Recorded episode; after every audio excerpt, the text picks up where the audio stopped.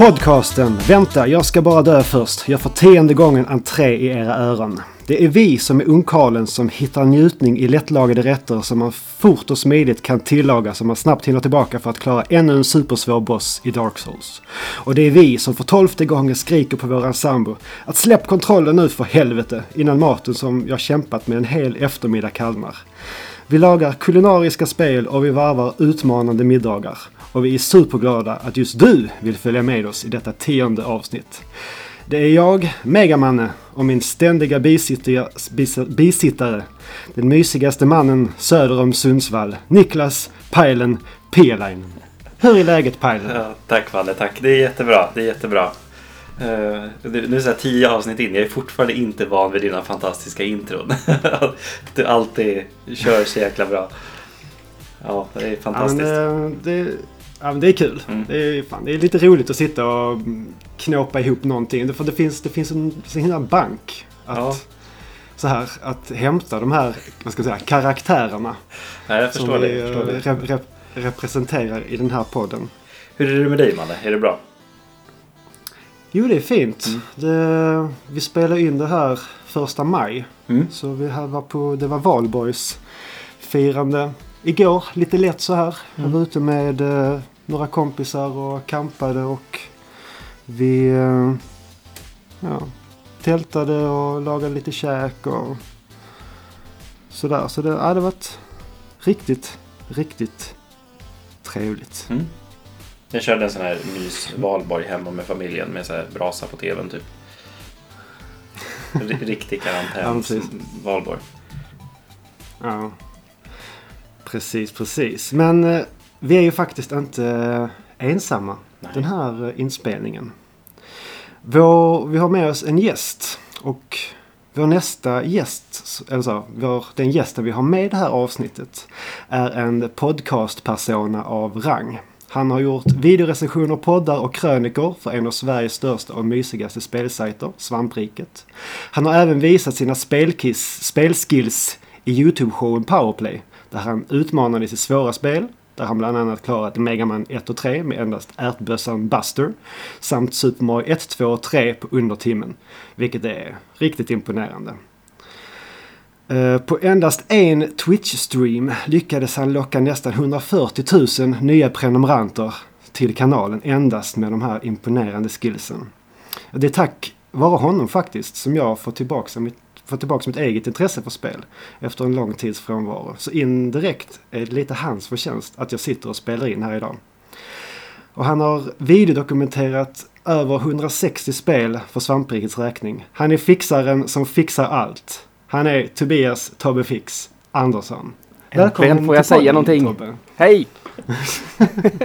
jag har bara suttit här och begrundat det här vackra, vackra introt som du knoppat ihop. Mm. Jag gillar det.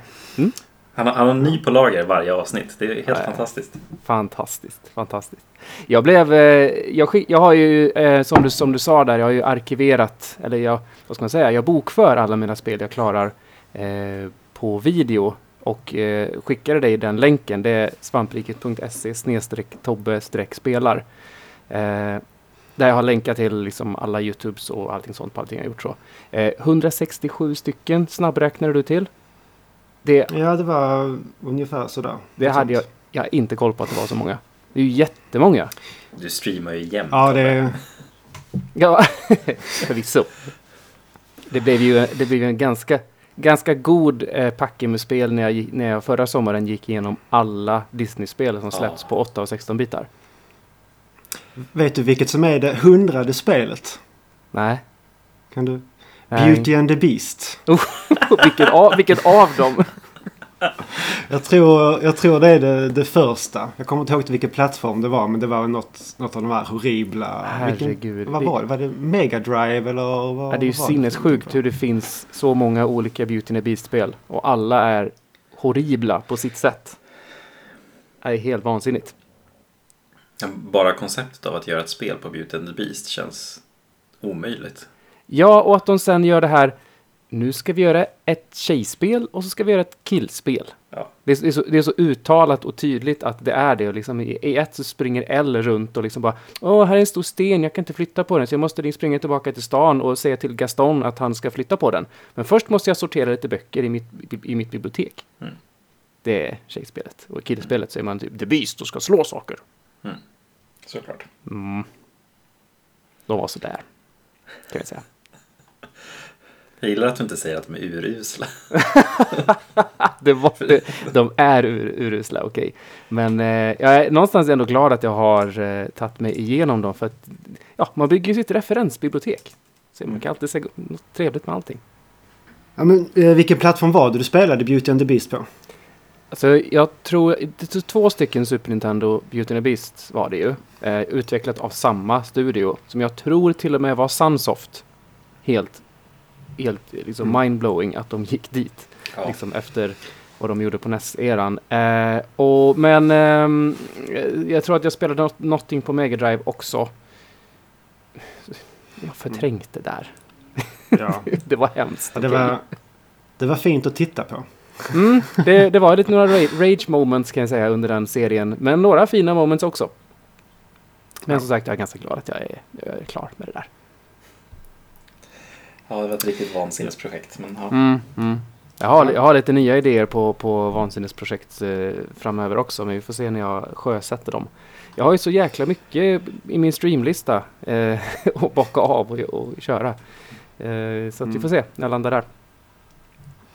Precis, och vi kan ju pusha lite för, eh, er, för eran stream på, eller er Twitch-kanal på Svampriket där. Där hänger både jag och Pajlen ganska flitigt när vi kan. Och det är Mm. alltid mycket trevligt. Ja, när vi spelar in det här så är det ju dagen innan att jag ska åka till Örebro och eh, spela Bygg bilar med Mulle Meck med Glenn. Ja, Jag tror faktiskt det var jag var nog en av de, som knäckte det. Mm, du var den som knäckte det. Du var först inne på mysteriet vid Greveholm där och så sa jag att mm, det var det närmsta hittills och sen så knäckte ni det. Det är bra där. Har ni någon minne av det eller? Oerhört bra Eh, minne. ja. Mm. ja, samma här faktiskt. Det var väl så här, ja, man känner ju såklart igen lite från böckerna när man var liten. Och jag tror att de hade väl eh, på te- alltså att barnprogrammet var väl också Lennart Jäkel som röstade till eh, böckerna. Alltså stillbilds. Ja. eh, Alltså, för för, för, mig är det så där att, att, att jag var lite för gammal när det här kom. Det här spelet släpptes väl 98 kommer fram till va? Då var jag liksom 18 det året och kanske inte riktigt satt och spelade den typen av spel. Men jag har ju många som var är några år yngre än mig som har extremt goda minnen av det här också. Eh, så det är Ja. verkligen ett sånt här nostalgiminne. Och just därför tänker jag att det ska vara kul och liksom för mig då som inte har spelat det här ska spela det med Glenn som har spelat mycket av det här. Mm. Så eh, mm. Ja. Han kommer sitta och prata i kapp med Lennart Jäkel Ja. och så här, jag misstänker det också. parafrasera alltihop. ja. Ja, det, ja, som sagt, jag har bara bra minnen av det. Det ska, ska bli kul att se Mm. om det Vi håller. Jag vet att min Min bror eh, gjorde en liten grej av det med någon kompis för något år sedan. Att han, eh, de spelade Bygg bilar och Bygg båtar tror jag.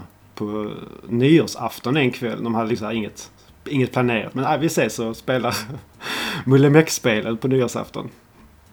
Det är jättefint. Bra tradition. Det finns, det finns ju ett gäng eh, Mullemäck-spel och det bygger bilar och båtar och Flygplaner, ja. flygplan. ja. Det finns ett fjärde också, jag kommer inte ihåg vad det är. Men ja. Jag vet Ja. att Bygg flygplan funkade inte på vår dator. För det var tvungen att klara av eh, 3D-grafik. Och vår dator var så fruktansvärt dålig. Vi Är det- hade då eh, slutet på 90-talet. Eh, jag skulle säga att eh, det, det finns ett eh, bygghus. Mm. Eh, det finns även ett Mullemäck i rymden. Just det, jag skulle precis säga det där. Eh, att eh, det kom, det kom också upp i skallen på mig att visst fanns det inte något rymdspel också. Mm. ja. Alltså, blir, det här en, blir det här en succé så kommer vi ju... Jag kommer ju yrka på att vi ska fortsätta eh, i serien. När vi ses, jag och Glenn. Ja, Ja, det, ska bli, ja, det ska bli spännande. ja det, det är någonting att tipsa om. Gå in och kolla. eh, Så. Och miss, missar man livestreamen, vilket man kanske gör när det här kommer på fredag. Men eh, fredag säger jag, det är fredag imorgon va? Det är fredag idag. Det är när det här fredag idag, avsnittet slip, släpps, ska jag säga. Så, eh, jag är helt borta, jag har karantänhuvud. Jag vet inte vilken dag det är. Eh, Ja. så ska man gå in och kolla på byggbilar med Mullemäck. Mm. Och den hamnar väl på Svamprikets arkiverade YouTube-streams. Eh, Ja, precis. Vi har en separat kanal för alla, Precis. alla eh, stream. Så det, det, det blir ju en del om man säger. Det är bättre Ja. att vi har dem. De får bo där istället. Vi kommer Sen, länka, länka i beskrivningen så finns det. Ja. Sen Tobbe, just den här klassiska frasen. nu. Och det här just vänta, jag ska bara dö först. Mm. Hur eh, känner du just det här, när var första gången du sa det själv? Eller vad är ditt minne av att ha för just till det här citatet? Alltså jag fick mitt NES eh, julen 86 när det släpptes i Sverige. Eh, då hade jag precis fyllt sex år. Eh, vi hade precis flyttat till Uppsala så jag tror att mina föräldrar eh, ville liksom ge mig någonting speciellt, något, något, något annat eh, än bara något, det vet jag, Transformers eller vad man nu fick på den tiden. eh, n- något annat eh, än det, eh, någonting som jag kunde liksom eh, få ut lite mer tid ur. Eh, liksom, de hade, ju- hade ju ryckt mig liksom från dagis och allting upp och liksom flyttat till en ny stad. Pappa skulle plugga och Mm. sådär.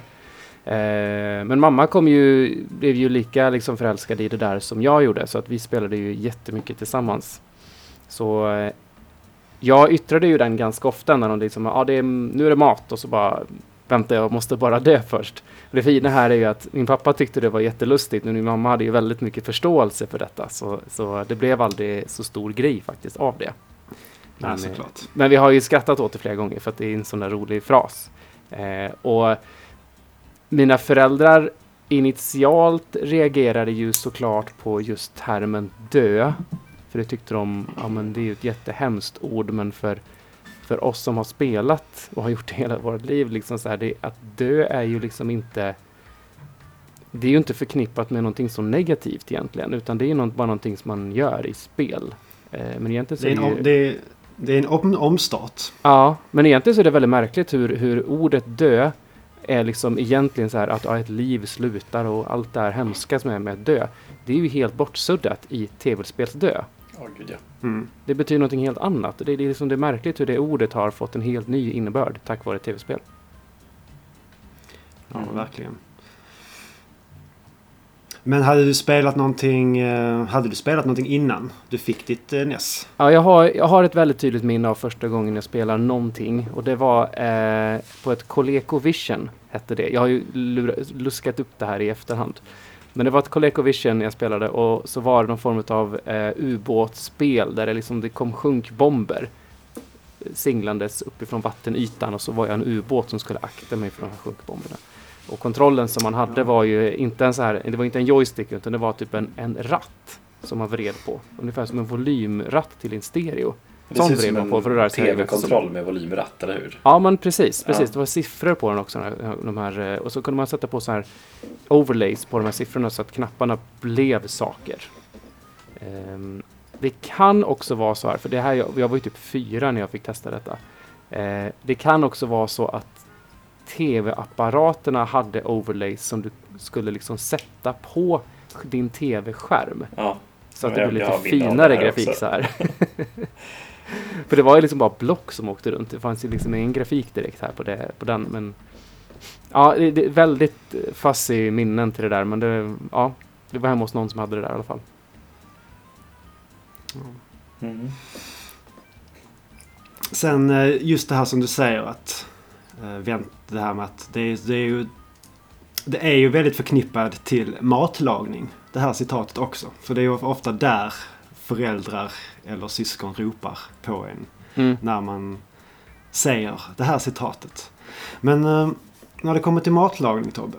Mm. Hur, är du, eh, hur är du i köket? Vilken typ av eh, köksmänniska är du? Jag är väl en sån som... ehm, jag är ganska praktisk lagd av mig. Så att eh, till eh, en dels förskräckelse när jag säger det så brukar jag säga att smak för mig jag äter det mesta, tycker det mesta är ganska gott. Men mat för mig är mer ett praktiskt intag av föda, typ. Det är bensin liksom. Ja, men det är lite bensin och det är liksom det går väl lite hand i hand vem, vem, vem jag är som person också att jag, jag svarar på det sättet. Eh, men men eh, ja, jag har ju varit eh, ganska mycket senaste typ fyra åren har ju, har ju varit lite turbulent i mitt liv. Jag, Mm. sepp, eller ja, jag skilde mig från ja, min numera exfru som jag är min allra bästa vän fortfarande.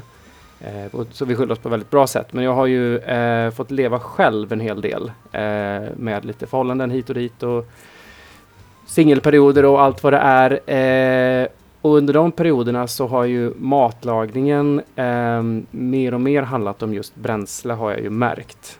Eh, så att eh, en klassiker för mig till exempel det är ju att jag har ju kommit fram till x antal rätter som jag vä- väldigt snabbt kan slänga ihop och som innehåller all den näring som jag behöver. För jag har ju, jag har ju tränat mycket i den här perioden också. Liksom håll koll på kost och makros och sånt. Liksom hur mycket protein man får i sig och sådana här saker.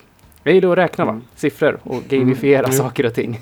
Så, så det, det har legat väldigt mycket hand i hand med det. Att det har mer handlat om det och att smaken blir okej. Så att jag sen kan fokusera och göra andra saker. Mm.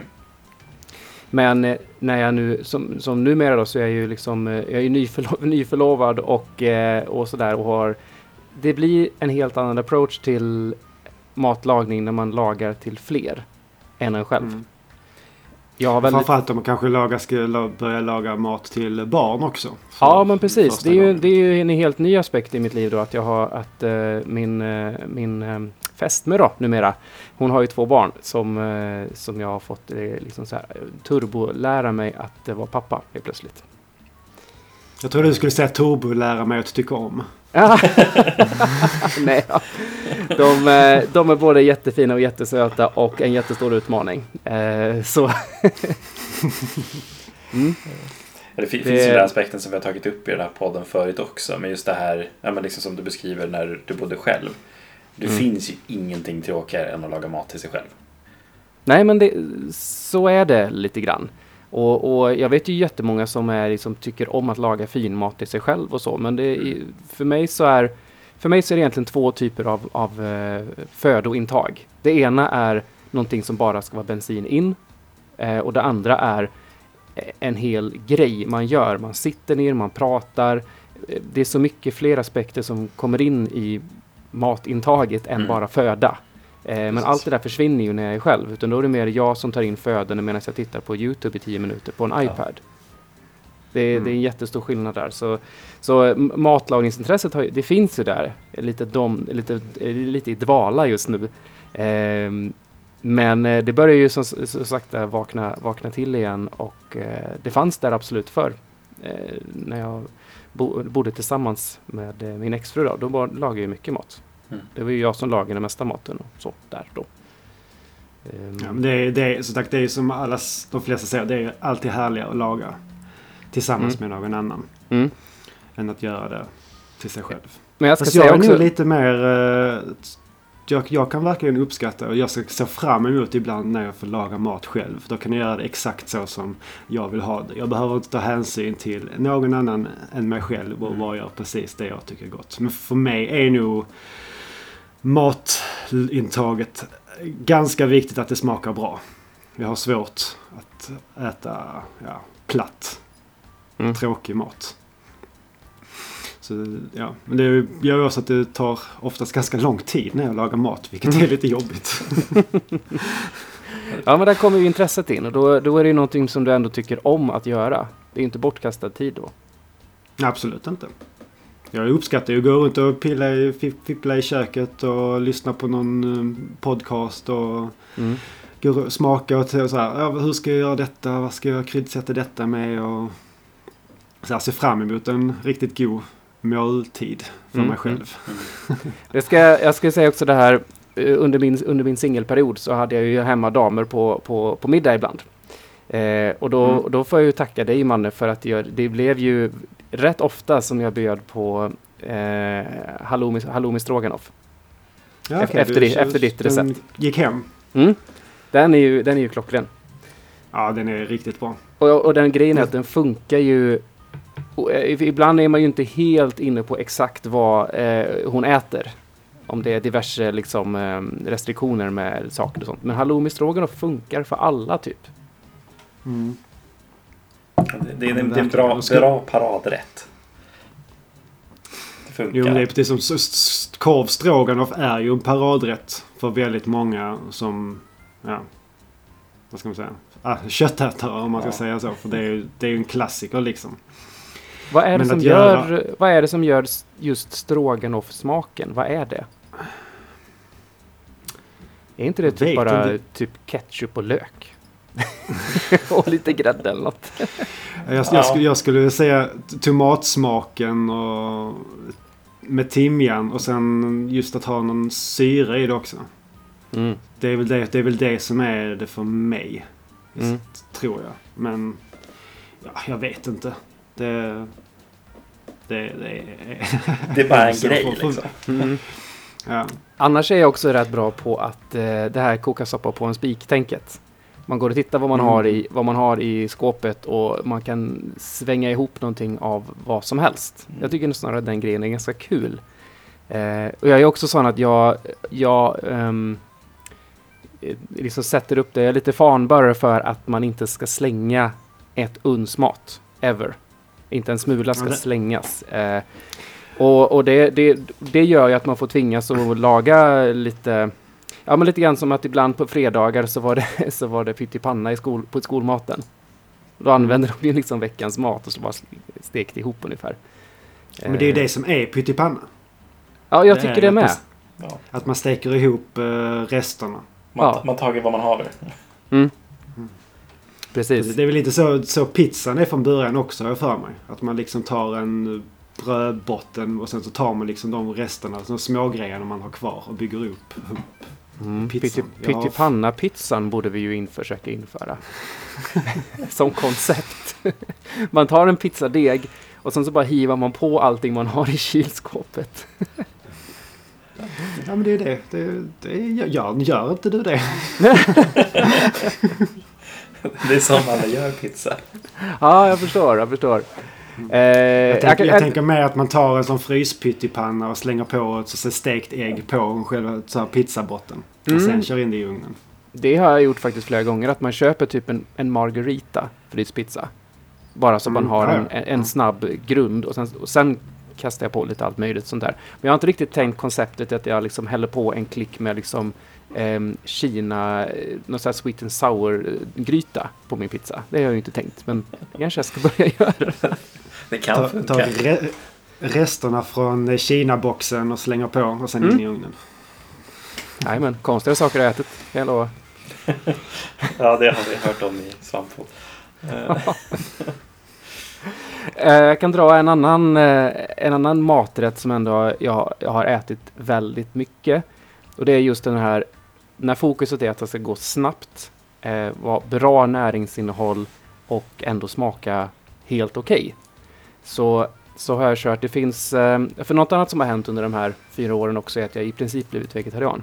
Jag, jag, jag äter kött men det är väldigt sällan nu för tiden. Och Mm. min, min tjej nu är ju också vegetarian så det är ju liksom det är ju inga problem så. Men, eh, men jag, jag har köpt eh, eh, torkad sojafärs. En sån du vet kung Markatta. Mm. Eh, sånt och sen så har jag haft eh, bönpasta. Alltså den som är gjord Mm. på eh, sojabönor, inte andra bönor utan just, just, den på soj, just den på sojabönor för den har jättebra proteininnehåll. Det har ju såklart Mm. sojafärsen också då. Men, eh, men jag, jag tar, kokar upp eh, lite vatten i med en buljongtärning. Eh, sen så öser jag på och jag, jag vet ju då, jag, i och med att jag väger då, så vet jag precis hur mycket jag ska ha av de här två. Bara i med bägge två i samma kastrull, låt det koka typ fyra minuter. Häll av vattnet upp på en tallrik och sen så tar jag en halv burk med tacosås på. Och sen så Mm. får jag krydda. Sen kryddar jag lite grann som jag vill ha det. Eh, men det är så här, skitbra proteininnehåll, lågt, lågt um, innehåll och ehm, så fett som jag vill ha det. För ibland så brukar jag hacka upp ehm, lite jordnötter och sånt på också. Sådär. Mm. Så eh, det, det har jag ätit jätte- jättemycket och sen så har jag, liksom, har jag varierat det med lite olika kryddning och sådär bara. Ja, precis. Ja, det För oftast är det det att du, i, i vad man... Alltså just det här i vad man käkar. Man kan ju käka två, alltså typ, i princip samma maträtter men beroende på kryddningen så blir det ju helt annorlunda. Ja men precis, precis. Och sen i och med att jag har ganska, eh, liksom, jag ser det mer som näring än något annat när jag äter på det sättet. Så liksom, det är inte så jäkla kvistigt. Utan så länge det är liksom helt okej kryddning liksom så, ja. Jag gillar ju stark mat för övrigt så jag brukar ofta liksom mm, dra på lite sambal eller något annat sånt. Vi, vi är också sambaldyrkare i den här podden. Mm. Sambal tycker jag är Precis, lite lurigt för ibland så är den så jäkla salt. Ja. Men det, det ja. Men jag har för mig att det ska vara jävligt mycket. Det är ju typ så här 10% salt i en sambal. det kanske det är. Det sånt. kanske det är, men det, det, då, det är lite olika så här. Ska man äta sambalen som ett typ ett tillbehör så att man liksom lägger en klick sambal jämte maten och liksom, liksom tar så mycket man vill ha. Mm. Då vill jag kanske inte ha den sådär mega salt. Men om man ska liksom kasta i den en tesked i en gryta man gör, då är det, liksom, är det ju mer Mm. lugnt så. Ja, det är sant. Mm. Ja, ja. Ja. Nej, jag vet inte faktiskt hur, hur det är med... Jag, har, jag, har, jag köper bara den stora hinken på Willys. Som är så här typ ett kilo. Annars är Det jag, räcker ju länge men det går åt. jag är ett jättestort fan av ja. tuppsås annars. Ah, Eh, just det. sriracha. Det är fint. sriracha- eh, är, är, det- är det sriracha man uttalar det? Jag tror att det är sriracha. Ja. Ja, ja, den jävla såsen i alla fall. Ibland finns det med tiger också, men det är ju det här knock-off-brandet som inte riktigt är tuppsås. Tuppsås är det, the shit. Men den är väl lite syrligare va? Jämfört med sambal. Mm, precis. Typ någon vine, vine, vine, vinägrett. Ja, Smak. precis. Och lite mindre salt också. Ja. Precis. Den sriracha majon, har du smakat Mm. den? Den är riktigt Mm, fin. den är kanon. Och det, det, kan jag, ha- det kan jag ha på typ allt. Den här jäkla såsen alltså. Ja. Ja, Det det är som jag, jag... Majonnäs kan jag ha på allt. Det är, så här, det är det är en kanonsås. Och den går ju att blanda med allting annat också. Alltså, Ja, ja, ja. det är ju bästa såsbasen som finns. Mm. Ja. Verkligen. Ja, Bara för att eh, vi ska få det nämnt i det här avsnittet också. Så ett tips du kan ha på din sojafärs och bönpasta Tobbe är ju liquid smoke. Mm. Så Mm. har jag sagt det också. Det liquid smoke är superfint. Det, det kan ta över lite grann bara. Det tar väldigt Ja. lätt över. Det, det, det, den, den korken som är på flaskan. En halv sån. Ja, Brukar, brukar vara liksom en lagom måttstock ungefär i Ja, allt. ja. Så, ja.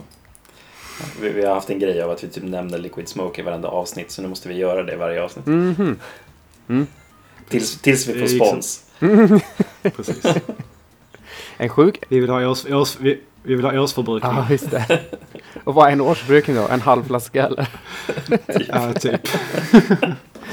En sjuk grej för övrigt är, är att eh, jag fick lära mig för, för ett tag sedan att eh, väldigt ofta så är bacon, eh, snacks med baconsmak är veganska. Det det är Vi det om enda, det för förra podden. Ja. Mm. enda veganska alternativet på en bio är baconsnacks. Mm. Det, ja, det är kul. Mm. Mm.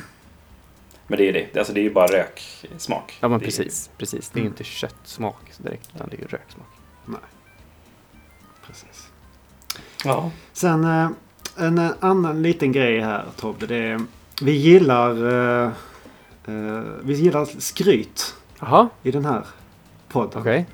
Så vi vill att du ska, alltså någonting som du vill skryta om med dig själv när det kommer. Alltså antingen till, ja men just tv-spel eller alltså det kan vara något i, mm, alltså ha med träning att göra eller det kan ha med mat att göra eller någonting så här. Så att du, att jag är inte en skrytmåns, men Mm. och så får du fylla i den, den meningen. Ja, okej. Ja, Okej. Eh, ja, mat har jag inte så jäkla mycket sånt. Det mest skrytiga jag gjort i matväg måste väl vara att jag hade en fas där jag gjorde ganska mycket Texas chili. Eh, okej. Det är supergott, men det tar ju jättelång tid. Men det är just det som är det är grejen där. Att man, och så ex experimentera med liksom, jag hade olika sorters öl, bryggde jag det på eller liksom kokade det på ibland och liksom kastade in hel, hel, hel mörk, mörk chokladkaka med mörk choklad. Funkar också väldigt bra där i. Ah, nice. Men, ehm, men i skrytväg annars, ja alltså i spelväg så har jag väl en hel del att skryta om. Det är väl lite det jag liksom typ byggt hela min spelpersona på nätet på. Att jag gillar att spela svåra spel. Ehm, Du gillar att skryta. Nej, jag är väl ganska humble av mig i allmänhet. Eh, jag, framförallt så är det så här. Jag gillar ju. Det här är inte så svårt. Det här är inte så svårt. Nej, men, nej, men ja. Eh, ganska... eh, När man pratar och sånt här så är det så lätt att, att man låter som att man är skrytsam och försöker vara liksom nedvärderande på något sätt. Sådär. Men det är ju att jag vet ju att vi alla spelar spel av olika anledningar. Eh, vi har alla Mm. liksom olika behov att fylla och spel fyller dem på olika sätt. För man kan ju spela spel på väldigt olika sätt. Och jag vill ju liksom inte snacka ner folk som spelar på Easy för att de får ut någonting annat av spelen än vad jag får. Eh, Mm. Men jag vill ju snarare få utmaningen och jag vill ju lösa pusslet och genom det känna att jag är duktig för att jag klarade utmaningen och det, det, det stärker mig och höj, höjer mitt egna självförtroende och sådär för att mina egna utmaningar som jag skapar klarar jag av liksom. Eh, och mycket av spelande går ut på den grejen för mig. Så att jag men Det kan ju vara så att man har haft en jobbig eller dryg dag på jobbet. Saker har inte gått som det funkar. Men så kommer man hem och sen så klarar man den här bossen eller löser det här pusslet Japp. som man har haft problem med. Och sen så bara Fan, då är, då är det någonting som gick vägen idag i alla fall. Mm. Ja, men precis. Man kan förlita sig på sina skills där, att man faktiskt eh, fixar det. För då är det, ja, precis som du säger, det är i alla fall någonting jag klarar av idag. Så är det väl det där. Jag har också haft dagar som jag har kommit hem och haft sådana skitdagar och behöver en win. Och sen så har jag inte klarat det. Så har jag dött i fyra timmar istället på stream och sen så har jag gått därifrån och, och, och bara velat gå och lägga mig ungefär.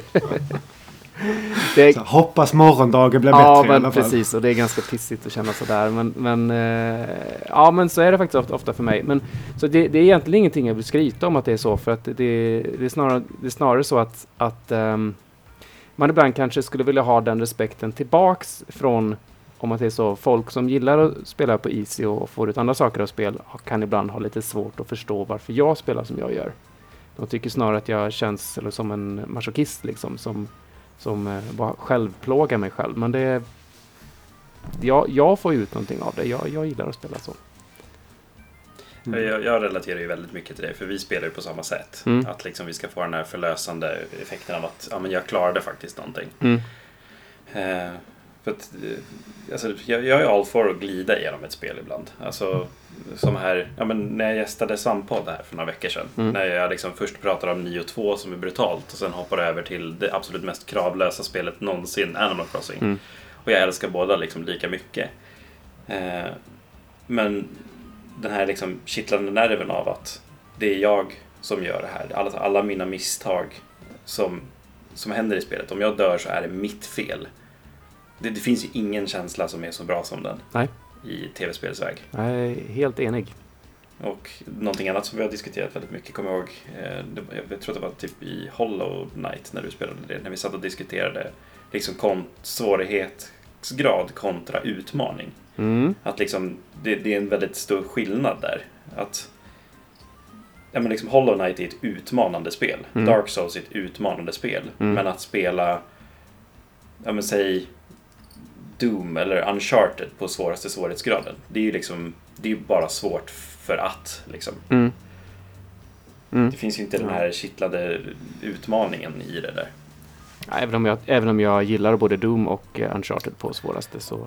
Ja, För jag tycker, det jag tycker båda här- håller rätt bra faktiskt, även på det svåraste. kanske var dåliga Nej, exempel. jag, jag, Men den här jag, svårighetsgraden när man bara ökar hälsan liksom. Ja, till exempel. precis. Det är det det, värsta. jag brukar eh, predika för den här grejen att man märker inte om ett spel har ett bra grund, alltså verkligen core-mekanik förrän man drar upp det på den svårighetsgraden. För att ett spel med bara halvdan core-mekanik kanske håller när inte motståndet blir så svårt. Men sen när det blir svårt, då måste det sitta liksom allting.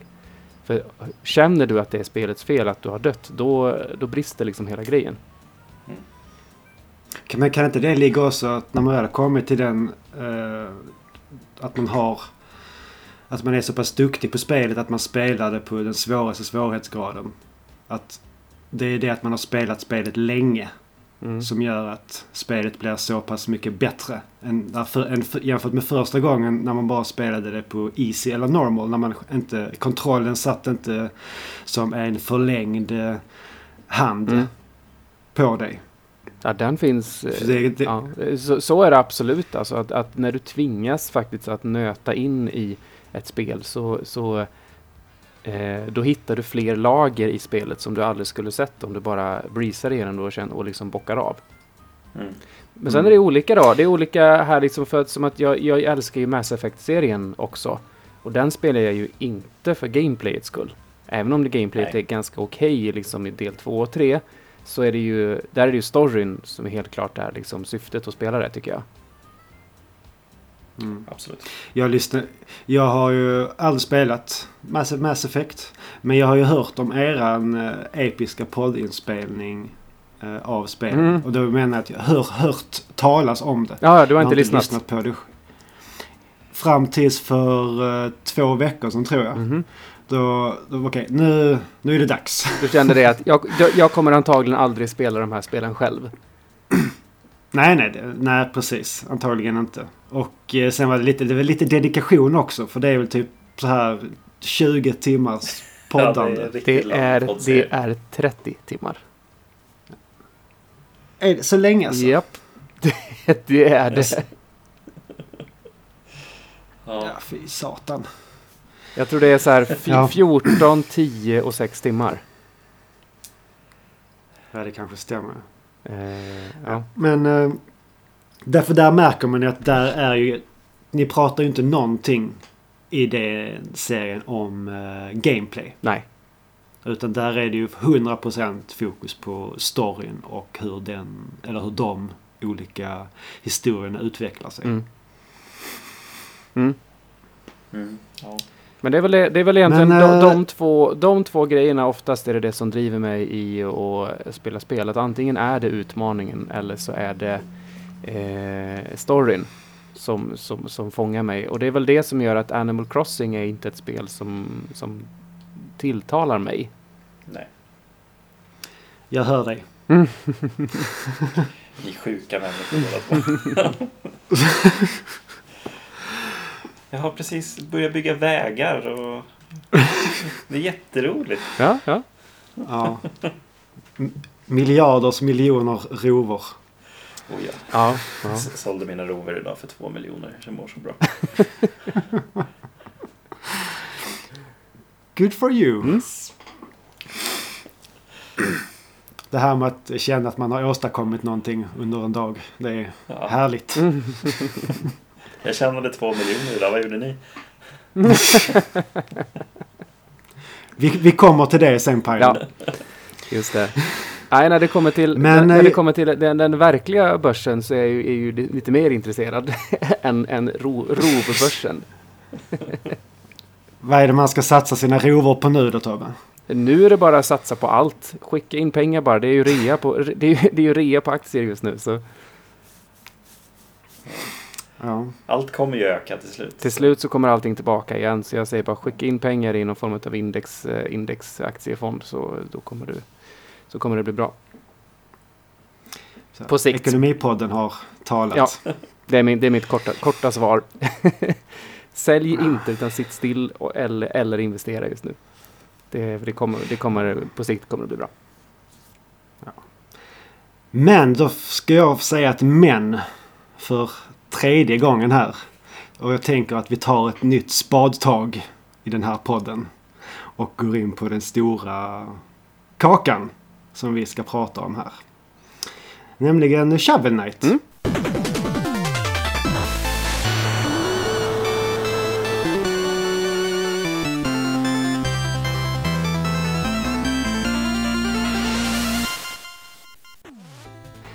Jävlar, vilka spel vi har Absolut. att prata om. Ja, Jag var ju väldigt, var väldigt chockerad när du, när du skrev ut på Instagram att så här, men nu ska jag börja med Shovel Knight. Jag bara, har inte du spelat Shovel Knight? Det här kommer bli skitbra. Men eh, ser, Ja. du dem, ser, Ja. du, ser du dem som flera spel det här eller ser du det som ett paket? Ehm, ja, det är... Ja, Bra fråga. precis så. För det är, ja, det är ju... Shovel Knight det är ju själva grundspelet då. Mm. som eh, kommer med. Och sen så finns det då de här tre expansionerna. Eh, Det är, vad är det de heter? Plague of Shadows, Plague of Shadows. Spectre of Torment. King of Cards. King of Cards. Mm. Och, det, och grundspel, börjar... grundspelet heter väl Shovel of Hope va? Mm. Ja, precis. De har ju gjort det så vitsigt att var krigare som man är, deras namn är ju även med i titeln. Mycket fyndigt. Men jag tänker att vi innan vi går in på de andra spelen så går, börjar vi med eh, Shovel Knight helt enkelt. Mm. Och man är ju en eh, heroisk riddare Mm. som... Eh, Jag tänkte kolla först, Pajlen, hur länge sedan spelade du det här? Jag spelade det här när, det kom. Eh, 2014? 14. Jag har ingen aning. Jag håller på ninja-googlar as we speak. Eh, men jag, jag, jag plockade ju upp det ganska snabbt på... Vad fan, vad, vad var det jag spelade? Jag tror jag spelade på 3DS Steam. första gången. Nej, jag är ingen Ah. PC-spelare. Eh, ja, 2014. Eh, så jag spelade på 3DS första gången. Eh, och bara liksom så här, ja men det är kul med ett litet så här pixeläventyr. Eh, för det här var ju också innan hela den här retrovågen slog igång i världen. Eh, Jag tror nästan att det startade någonstans Ja. med Shovel Knight. jag tror det. Eh, så det här, alltså, idag så känner jag ju ganska mycket så här. Jaha, här, nu kommer ett roligt nytt pixeläventyr. Det har jag sett 140 gånger förut. Mm, mm. Det är liksom inte lika charmigt. Men när, innan Shovel Knight kom så då, det var liksom en ny grej. Att det kom pixel, pixelerade äventyr igen. Eh, och liksom, men jag är en gammal spelare. Jag tycker om Mega Man. Jag tycker om liksom, de här gamla klassiska liksom, ja, men, Ducktails och sådana saker. Så jag var skitpepp på att få spela det här och bara premissen av att vara en liksom, riddare med spade som vapen är så hysteriskt dumt så att det blir älskvärt och roligt. Eh, Men jag plockade upp det och spelade igenom det och bara fullkomligt älskade det. Eh, Och jag var inte alls så beredd på liksom vad som komma skall. Liksom. Eh, Innan jag började. Men eh, För det är ju en Kickstarter och Ja, de, de drog in en jäkla massa pengar så de, de passerade ju väldigt många sådana goals. mm, Eh, eller vad det heter i, i Kickstarter. goals, Ja, precis. Ja, precis. Stretch goals. Eh, och det är väl därför som de har släppt saker hela vägen fram tills nu då, mm, när det sista kom. mm, sex år senare liksom. Det är ganska, Ja, ja, det är ett- det är en jäkligt lång resa de håller på med. Und- Undrar hur trötta de är på att göra Shovel Knight-grejer. Fast, i, ja, fast i, i och med att det är så stora förändringar från spel till spel Mm. så är det ändå roligt att se vad man kan göra av samma koncept. Mm. Men ändå utveckla det. Kolla Mario liksom. Det är, det är ändå så, ja, det är typ samma grej fast Där är det istället där är det, där, där är det bara samma grej. Det enda man ändrar är grafiken. Shovel Knight är lite tvärtom. Det är, liksom, det är samma grafik och samma värld men de ändrar gameplayet totalt Mm. från spel till spel. Mm. Jag längtar till Shovel Men- Galaxy kommer. Mm. Shovel Knight 64. Ja. Men eh, det är ju, vad ska jag säga, är det NES-grafik? Snygg? Alltså, nej, det är det väl inte riktigt. Ja, det, det är någon sån här Men- blandning mellan NES och... Ja, det, liksom det, det är nå- någonstans 16. mellan 8 och 16 bitar. Vi kan säga att det är 12 Ja. bitar. Ja. Ja. jag skulle, ja, jag skulle, ja precis. Men eh, jag får ju liksom vibbar från typ Mega Man 9. Den, den ja. grafiken och ljudbilden Ja, och allting precis. som var där. Mega Man 9 är ju sådär... ehm, det är samma typ av estetik som de gamla spelen. Men det är inte ett spel som hade gått att göra på NES. Nej, Och precis. det är väl det som vi känner här också. att Det är ju ish NES, men det hade inte gått att göra det här spelet. Undrar hur det hade sett ut om man hade gjort det på NES. Alltså hur mycket man hade varit tvungen att banta. Visst minnesmässigt och sådär såklart jättemycket. Men just hur... Mm, jag vet att, har ni, har ni tittat någonting på Alvas Awakening? Mm. Det, Mm. det, det, vad jag har förstått det som så var ju ursprungstanken där att de skulle kunna släppa det på en riktig NES-kassett. Men de fick ge upp Mm, de tankarna för precis. att de hade behövt att kutta så mycket av sin vision om man säger så för att eh, kunna genomföra det. Det skulle nog vara väldigt likande för Shovel Knight tror jag. Mm. Det hade, ju- som sagt, det hade aldrig funkat. Skulle jag Men uh, Pilen med Shovel Knight. Vet du, när vi just, eller vi tar vid Tobbe här. När spelade du Shovel Knight? Eh, efter ganska mycket tjat ifrån Pilen i mina streams Mm. så, eh, så tog jag mig an Shovel Knight i, eh, i början av juni 2018. Och då fanns ju de två första delserna färdiga. Så jag tog dem i ett svep och efter det så tog jag också tog, platina i grundspelet. Så att jag höll på där Just ett det. tag. Eh, jag, jag tittade Mm. nu och jag, eh, 11 streams blev det. Eh, på i snitt sådär två och en halv timme per stream eller något sånt där. Så kanske 30 timmar och sånt där la jag på det då. Mm. Ja, ändå bra, jobb, bra jobbat. Om man ska så här, gå in lite mer på hur, hur spelar man? Vad har, vad har den här spadknäkten för eh, egenskaper, Pilen? Vad, vad Eh, gör man? Ja, nej, men alltså eh, basic grej är ju just spaden. Alltså, den, den är ju med kontinuerligt liksom genom hela spelet och det är ju, det är ju grejen med Shovel Knight. In, in the name. Liksom.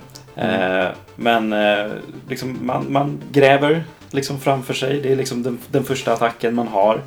Eh, man gräver upp liksom små eh, jordklumpar för att få skatter och få poäng, pengar. Eh, man kan göra det klassiska liksom Joakim von Anka Ducktails-hoppet liksom när man petar ner spaden eh, och sådana saker. Så att, alltså det är ju väldigt basic i liksom sin Mm. liksom stridsmekanik och sånt där. Och det här det, det matas väl på lite grann sen när man får olika typer av relics genom spelet. Eh, men helt Ja, ärligt så använder jag typ aldrig det i Shovel Knight. Jag kör stenhårt Ingenting på alls? spaden. Ja, väldigt lite. Det är typ ankaret som man får. Det är typ det jag använder.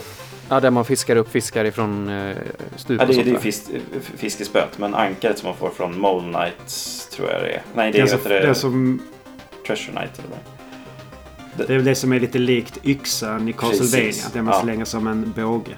Ja. Den använder inte jag någonting. Ja, det, det är typ min go-to relic i Shovel Knight, måste jag säga.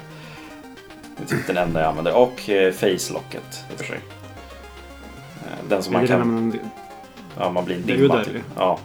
Ja, just det. Ja, jag måste ju vara, eh, erkänna här att jag minns väldigt lite av det här. Eh, jag har snabbspolat Mm. igenom lite grann i mina streams här nu för att få tillbaka lite minne av spelet. Men jag kommer inte ihåg så mycket av Relics. Och även, nu, även sen i, eh, i King of Cards um, DLCn där så jag använder typ inte de här förmågorna någonting direkt. Det är typiskt så du spelar också. Ja, det, det, så är det ju. Ja. Buster only liksom. Eh, Men För det, ja. det, som jag gill, det jag gillar med, alltså med Shovel Knight och, men även de andra spelen det är att man, man gör spelet så svårt som man själv Mm. vill. Man kan liksom nerfa sin liten sin, sin riddare och göra spelet lättare eller svårare. Ja, beroende på vilken nivå man själv vill lägga sig på. Det finns ju den här faclocket ändå som gör att man inte tar någon skada. Man kan till och med gå på spikgolv. Som i vanliga fall hade dödat en. Det enda som man inte klarar sig av det är att trilla ner i hål. Och... det finns ju Ja. rustningarna också som kan Mm, eh, liksom, göra väldigt mycket. Alla, alla eh, liksom DLC-erna och liksom expansionerna har ju olika typer av rustningar som har olika förmågor och sånt där. I, i Shovel Knight så finns det en som eh, gör att, jag, jag tror, det finns väl en som man kan göra så att man, man kan hoppa ner i ett hål och komma upp en gång. Eh, man förlorar liksom bara liv, eh, har jag för mig. Eller så var det Spectre Knight. Eh, Ki- King Knight. King Knight har det också kanske. Mm. Eh, Men eh, sen så finns det en som man liksom eh, där man blir tyngre men, och liksom kan slå hårdare men man har svårare att stanna till exempel. Man glider liksom som att man går på is hela tiden. Eh, och så finns det en som jag Han brukar... ju... Ja, fortsätt man. Han har ju den fysiken lite som Mario. Ja, Att även om man stannar så... man, Är det att man man liksom lite skiddar lite på marken. Eh, men en, en som jag använder nästan jämt när jag spelar Shovel Knight, jag tror att det är en Silvia om jag kommer ihåg rätt. Eh, som man liksom, när man gör det här Joakim von Anka-hoppet två gånger så får man en chargead eh, spad slice liksom. Som gör Ja, extra just mycket skada. Eh, den tycker jag är skitnice eh, faktiskt. Och, och där, alltså, man kan ju välja svårighetsgraden själv. Det finns, finns ju den bästa rustningen också som bara är guldig som gör så att man gör en volt när man hoppar. I, ingenting annat. Och den Precis. kostar mest Det vi- också.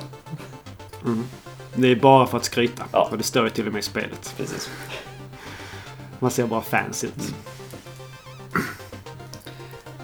Men ja, alltså det, det, det, är väl, det är väl typ det rent alltså så här, gameplaymässigt. Alltså, sen så är det ju väldigt mycket som Mega Man. Alltså, det är ju banor man väljer med en, ett visst tema. Och bossen har liksom samma tema. Man har liksom eh, Plague Knight som är liksom den här eh, liemannen. Liksom, så då slåss man igen sig på en hel eh, liksom, kyrkogård. Eh, man har Mole Knight som är då mer eh, åt liksom, ja men det här mullvadshållet. Ja, precis. Ner i jordens kärna så det är eld. Plague Knight Mm. då som är liksom den här doktorn som eh, mixtrar med olika Gal- typer av Den galne vetenskapsmannen. Precis, ja, och Polar Night och då är det snö och, ja, och så vidare. Liksom. Mm. Eh, och Vilken är er favorit? Av de här uh, bossarna? Har ni någon uh, jag har ju en som jag har i alla spel måste jag säga. Alltså Tinker Knight tyckte jag var rolig. Ja, det är, det är min favorit också. jag tycker han är klockren. Det är spe- Jag Speciellt... gillar... Uh, Fortsätt man. Nej, fortsätt. Ja. Jag körde. Eh, just i Shovel Knight så är han ju så klockren. För det är ju en av de senare bossarna man möter. Och då har man liksom fått kämpa ganska mycket mot alla bossar. Liksom. De är ändå utmanande och de har liksom sin lilla livmätare, alla Megaman.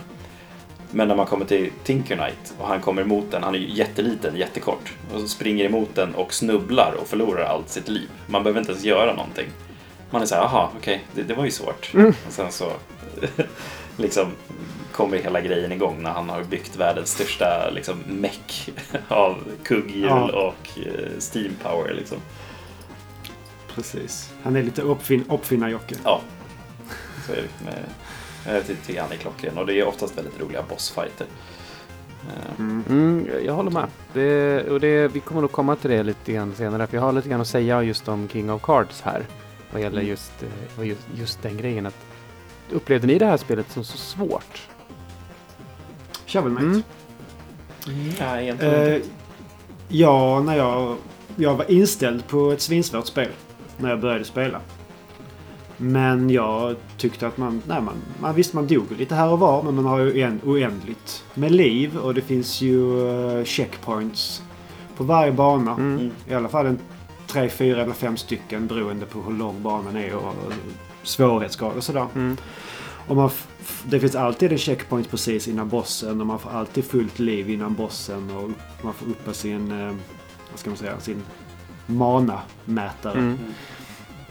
Så jag tror liksom inte att det var liksom någon enda boss som jag dog på ens när jag spelade igenom det första gången. För att det var så himla lätt när man hade den Um, uh, den reliken som gör att man kan vara odödlig några sekunder. Märker man att det bara är, man, man håller på att dö. Okej, men då är det bara att sätta på den och använda den. Och den kan man liksom så här använda direkt efter varandra hela tiden. Så det var jättelätt att bara nerfa spelet på det sättet. Ja, Du menar de här dryckerna man kan ta från eh, Trouble King eller, eller är det Facelock Nej, du menar? Fa- Facelock, Ja, precis. För man har, man, man kan ju få upp sin... Eh, det heter inte mana. Vad är det det heter? I, eh, Jag kommer inte ihåg. Ja, den- Energi eller ja, något? den eller, ja. ja, men precis den mätaren som man har för sitt sekundära vapen. Ja. Och man har ju ganska, man kan bara mata på det ganska rejält. Och så jag, nej, upp- upplevde, och man får väldigt mycket liv också ganska, ganska lätt också. Mm. Ja, det, Jag tycker nästan, det är nästan svårast de första två banorna. För då är ens livmätare väldigt låg. ja. Men sen bara ett par, bara ett par banor in så har man liksom dubbelt så mycket liv nästan. Det, det reagerade jag på mycket på i eh, King of Cards nu. Att jag tyckte bossarna var så otroligt lätta. Alla man mötte var så otroligt lätta. Det var ju bara att... För ett klassiskt brunlöva på liksom. Eh, Ja. För att det regnar ju ut hjärtan hela tiden. Och det är liksom bara what? Eh, jag minns inte alls att Shovel Knight var sådär lätt. Men det kan vara för att jag liksom också vägrade den här face-lock-grejen. Att jag ville ta det Mm. utan den. Att det kan vara så jag spelade. Jag minns inte helt ärligt. Men jag Mm. minns Shovel Knight som svårare än vad King of Cards var. Alltså, jag, jag, Mm. jag tycker på ett sätt, när, när jag liksom ser alla spel som en helhet, de, de är inte supersvåra. Alltså, det finns en viss typ av utmaning också. Men de är inte heller för lätta. Alltså, de ligger precis på gränsen där det fortfarande ska kännas belönande. Att, ja, nu har jag klarat Mole Knight. Eller nu har jag tagit liksom, The Exploditorium och tagit Plague Knight. Eh, liksom sprungit det, är som, det är som jag sa tidigare, att du lägger dig på en nivå som du, den svårighetsgraden du vill. Jag tror För vill du att det ska vara skitsvår, skitsvårt, ja men då köper du inga extra liv. Du använder inte några reliker. Och gör det så svårt som du vill. Och det blir man ju också belönad med i och med att det finns, vad är det, ja, achievements Mm. för det. Att klara spelet utan att ta någonting eller utan att eh, köpa extra liv och ja, sådana saker. Mm. Så det är väl det, det som är en sån... För jag, jag sa det till min eh, sambo. Och jag sa att för hon, hon gillade The Messenger ganska mycket. Mm. Och det är ganska likt det här tycker jag i svårighetsgrad hur man styr och alltså designen på det. I, i, många, i många avseenden. Så är det att "Ja, men jag tror nog du hade, kunnat, hade gillat det här eh, spelet. För det man, just det här att man kan, man kan göra det lätt om man tycker det är för svårt. På Mm. många sätt. Men så nu när nu... Jag spelar ju igenom det eh, achievementet idag. Eller har gjort det under de senaste dagarna. Att man ska klara spelet på en och en halv timme. Och man ska göra det utan att dö. Och man ska göra det utan checkpoints. Och man får inte använda några reliker. Mm. Och eh, jävlar vilket svårt spel det här blev då. Ja, jag gjorde ju också det där och det kan vara därför som jag hade det här minnet av Shovel Knight Mm. så mycket svårare än vad det var. För att eh, jag tittade lite grann i tidsåtgången också för varje, varje del här. Och jag tog ju första grundspelet tog jag på eh, runt fem timmar. Sen så tog Mm. jag eh, andra, andra delset. Det är väl ehm, inte Plague Knight utan det är ehm, Spectre Knight. jo det är... Först, första är, Är det- Plague Knight. Första är Plague Ja, Knight, precis. ja. Eh, det verkar som att det tog runt fem... Det är nog kortast. Ja, men nej, det, det var det som tog längst, längst tid för mig. Eller ja, det tog typ fem timmar för mig. ah, ja, ja. Så typ Förlåt, lika lång tid som grundspelet. Sen kom ju då eh, Spectre Knight. Det var typ tre timmar. Eh, långt, det DLC. Eh, och sen så la jag en jäkla massa tid då på att eh, klara, klara alla, alla achievements och sånt då. Men King of Cards klockade in på åtta timmar för mig. Mm. Så det är, det är, ju, det är ju längre än grundspelet. Ja, det skulle jag också säga. Det, det är Men vi kommer till det. Mm. som tar all tid. Mm, precis. Känner jag. Ja. Nej, för det, om, men om man... eh, Det är lite så här att jag- man får ganska så här, framför allt... Jag tänker ju mest Megaman på när jag tänker på det här spelet. För Mm. du är, du, är en, du är en blå plattformsfigur. Och du har din eh, trogna vän Shield Knight. Som är den här väl, påminner väldigt mycket om... eh, Om Rush tänker du är eller? han... Ja, precis. Nej, Rush är väl hunden? Ja, Russian Hund ja. Men Jag tänker på han röde Megaman. Ja, Protoman. Protoman. Mm. Och han har ju också en... Han är ju röd och han har också en sköld. Och just hans... Alltså var väldigt stora likheter dem emellan. Och just det här att han kommer in på slutet och eh, ska rädda eh, Shield, nej säger jag, Shovel Knight när han behöver det Mm. som mest. Mm. Det är helt klart en Megaman-passning det där. Och det är Mm. jättemycket sånt här genom hela serien här tycker jag också. Eh, mycket snygga passningar till andra spel och så. Mm. Och minns du... Det, det är fruktansvärt... ja, kör du. Nej, kör du. Men nu, nu, har jag glömt vad jag skulle säga. minns, du, minns du man när vi spelade eh, Bloodstained på RR Meetup? Då hittar ju vi eh, Shovel Knight-fienden som en fiende i det spelet. Just det. Fast den, den, het, den hette istället Shovel Armor tror jag. Men det var ju precis samma karaktär. Den var lite mer buff bara. Eh, just så det, det. det, det är kul då att, liksom att Shovel Knight finns, har ju spilt över i andra spel också. Så där. Det är roligt. Jo. Alltså, det, det är ju en stor grej i många andra spel. Det är många som tar med Shovel Knight. Det, han, han finns ju i Smash till exempel som en sån här assist trophy. Eh, han finns med även med i det här som eh, ja, men det här som skulle likna Banjo Kazooie, som skulle vara återupplivningen på Collectathons. Vad hette det nu igen? Joka Lele. Ja, just det. Så finns han också liksom att prata med. Han har kommit dit och tappat minnet typ. Och, ja, men I Bloodstain finns han. Och det, det, alltså, han, dyker upp i många andra spel. Så att det är ju en stor grej för, för många eh, med Shovel Knight. Att man, har med sig en liten passning till Shovel Knight någonstans. Vilket är kul tycker Mm. Mm, det är jättekul. Eh, jag skulle säga att skulle, skulle man kunna säga att Shovel Knight är liksom del av andra vågens indiespel? Om nu första vågen är, säg Braid och eh, ja men de som var med i Indie Game The Movie liksom. Mm. Eh, Ja, men jag, skulle, jag skulle säga det, och precis som vi nämnde förut, att det här liksom är nej, men kanske peak, eller liksom början i alla fall på den här ny-retrovågen. Mm. Eh, Det är det ju verkligen. Mm. Ja. För det här var det nog så här ett av de... Det som där jag fick upp ögonen för att jaha, görs sådana här gamla spel inom citationstecken nu igen. Fan, då, då kanske det här med tv-spel kanske är någonting för mig. Mm. nu kan jag börja spela igen. Ja, precis. Det Äntligen. Det där- tog, det tog 15 år. Ja men precis, nu har liksom cirkeln är sluten så långt och nu spelar man samma spel som jag kommer ihåg det som när jag var liten. Ja, men precis. Ja. Eh, sen så, då, om vi ska gå in eh, och toucha storyn här. Mm. Så tycker jag inte vi behöver göra det. För det, det är liksom inte därför man spelar det här eh, spelet. Nej, Det är liksom det... det är ju en nonsens-story men den är ju ganska rolig mest. Att de... Ja, där finns ju väldigt mycket humor. Ja, Och som du säger, passningar till andra spel och liknande, liknande scenarier. Men du är den här riddaren, din kompis Shield Knight blir bortförd av någon anledning. Det finns en ond häxa. Du ska ta dig igenom en Super Mario World-aktig Mm. värld. Blandning mellan Super Mario World och Super Mario Bros 3. mm. Mm. ja, men det är det verkligen. Man ska stoppa just det, det kan ju The Order of No Quarter. är ju häxan då, The Enchantress. Eh, stora night, night-samling som ska svepa över landet och ta över det. Liksom. Mm. Precis.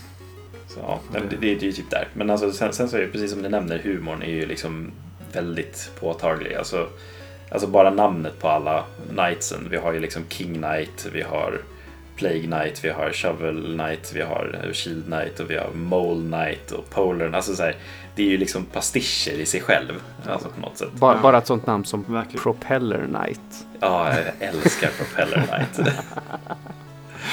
Det är som Pharaoh Man i Mega Man. Ja, precis. Det är lika dumt. Ja, vad är din egenskap? Ja, jag kastar sand. Jag snurrar en propeller. ja. Men det funkar ju så. så ja. Ja. Nej men alltså det, det, det är riktigt, riktigt bra. Sen så har man liksom hela grejen om så här återkommande karaktärer som kommer i de olika spelen också. Så vi har ju, vilken, det är ju han grodan som finns som drar pans hela tiden. Som Ja. är så extremt dålig. Alltså, så klockorna stannar. Eller ja, men den här kvinnan som man kan prata med i varje spel som bara börjar dansa frenetiskt. Eh, Mona. Ja, vi har ja, Mona också där till exempel. Men eh, alltså, det, finns ju liksom en, en värld av sidokaraktärer som är återkommande i Mm. alla spelen. Som är liksom roliga och eh, ja, det är kul att se dem återkomma hela tiden.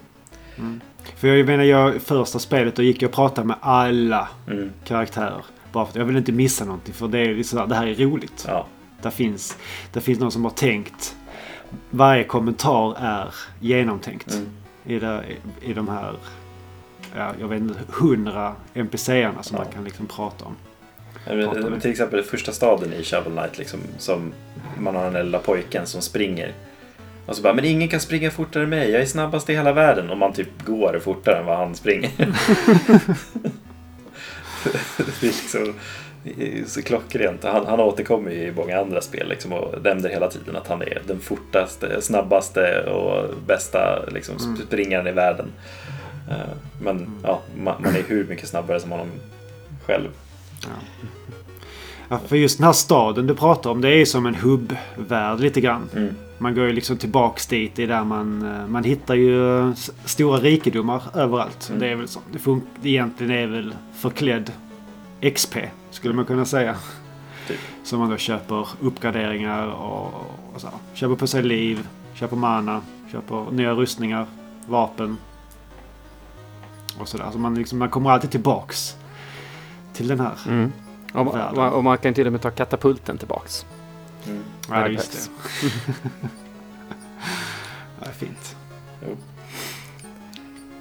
Men det, det, det är väl i i princip det, alltså så här, när det kommer till alltså story och, och gameplay och sånt där. Man tar sig igenom den här världen, eh, spöar eh, flera av de här liksom Order of No Quarter tills man kommer då till The Enchantress och liksom ska stoppa henne. Eh, Något, att nä- något, något, någonting som jag vill nämna är väl, vad heter han? Dark Knight? Black Knight? Black Knight. Black Knight ja. Ja, just det. Mm. Ja, vad, vad, är, vad vill han egentligen? Han bara är där och typ... Vem är han? Han är lite sådär e- emo. Emo, emo, emo Knight. Ja, han har ju någonting med eh, Shield Knight att göra. Eh, Är det inte så att han har varit ihop med Shield Knight? För Shield Knight är väl en tjej va? Ja, det, Det kan du ju faktiskt välja i det här Det spelet kan på alla karaktärer. Du kan välja om du ska spela som eh, man, kvinna eller icke-binär. Och du kan Just välja om dina, fi- det. om dina fiender ska ha, vara manliga, kvinnliga eller icke-binära. sjukt, Så det är sjukt, faktiskt sjukt jävligt- bra grej faktiskt. Ja, det är en häftig grej. Ja, verkligen. Och egentligen en jätteenkel grej. För jag menar Ja. fienderna ser väl likadana ut? Eh, ja, ja, jag, jag tror först då körde jag... Ja, men jag var kille, mötte killar. Men så nu andra gången jag spelade igenom så, ja men nu kör jag är tjej, eh, alla andra är tjejer. Mm. Ja, Det, det, Va- det, det fina de har det- gjort är egentligen också att det är minimal skillnad. Alltså till exempel... Alltså, Ja, den jag skillnaden, märkte inte ens Nej. någonting. Och, och det, det är ju så det ska vara. Det är ingen skillnad. Nej, precis. Eh, ett annat spel jag också har sett det här i var ju ehm, den nya remaken på Wonderboy 3. Mm. Den har Ah, okej. också detta. Då blir det Wonder Girl istället. Mm. Eh, Titelskärmen ändrar lite snabbt. I övrigt är det allting samma. Mm. Ja, om vi inte räknar med Mass Men- Effect och sånt där då.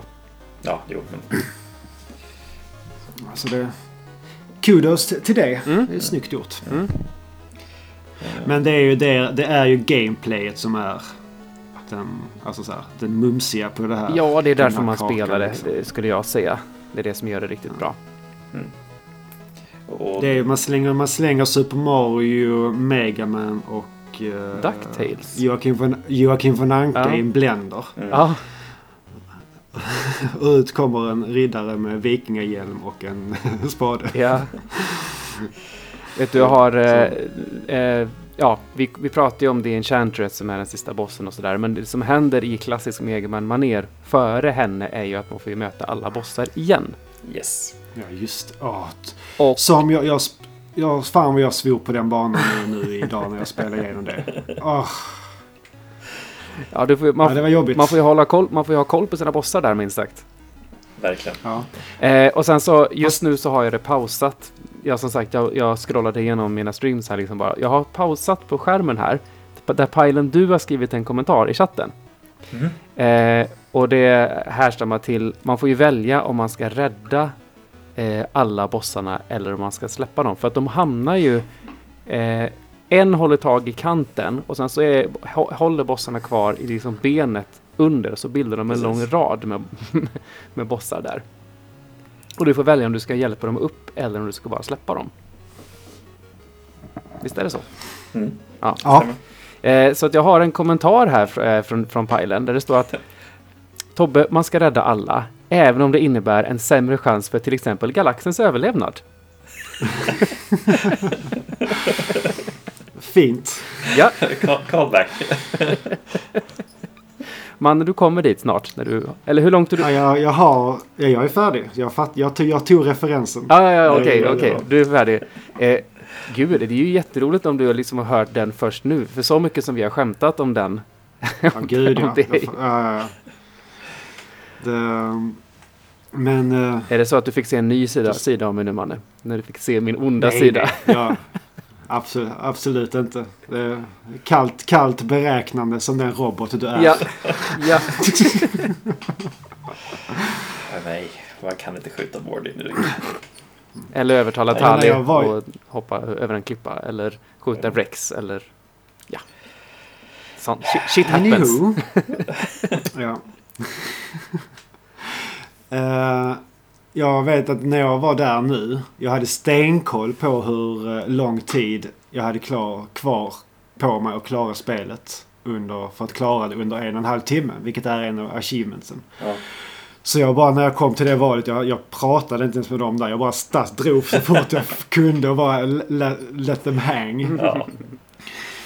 Ja, För, för det händer sen väl så- ändå ingenting? Alltså det blir väl ingen skillnad? Då? Nu minns inte jag, det var så länge sedan jag Nej. körde igenom. Jag, jag vet inte, jag, jag skippade allt. För jag tror att det är, det är inte bara in-game speltid som räknas. När man ska få det här. Och räknar de även cutscenes Klar- och snack? De räknar cutscenes, de räknar tid ute på världskartan. Allt. Allting, Ja, ja. okej. Ja. Så när jag, jag var på sista banan då hade jag då hade jag spelat en timme 23 minuter och 40 sekunder. Mm. Någonting sånt där. Mm. Så jag hade så här, dryg, drygt sex minuter på mig för att liksom klara det här. Mm. Inga misstag fanns Jävlar. det. Nej, kunde man lägga, Jävlar kunde man lägga en save där? Jag kommer inte ihåg riktigt. nej. Det går inte. Du måste ta hela bossen från... Alltså hela ba banan från början. Så först är det ju en eh, liten, en ganska kort bana.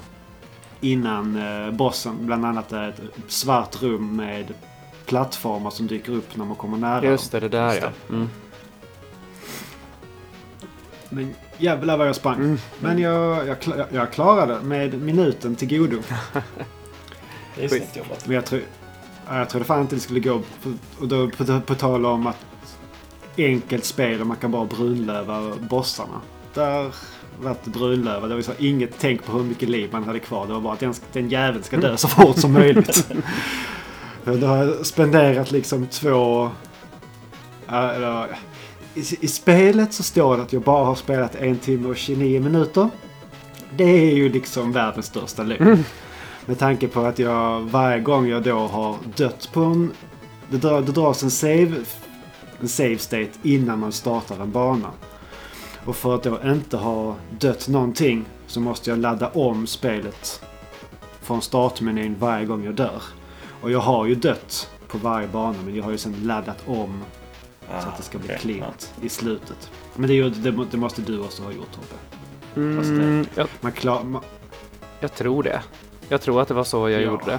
Eh, jag minns Du kan ju inte, du kan ju inte, du kan inte ha dragit igenom hela spelet utan att dött. Mm, nej, jag tror inte Det det. får, det, får, det får du inte lov att ha gjort.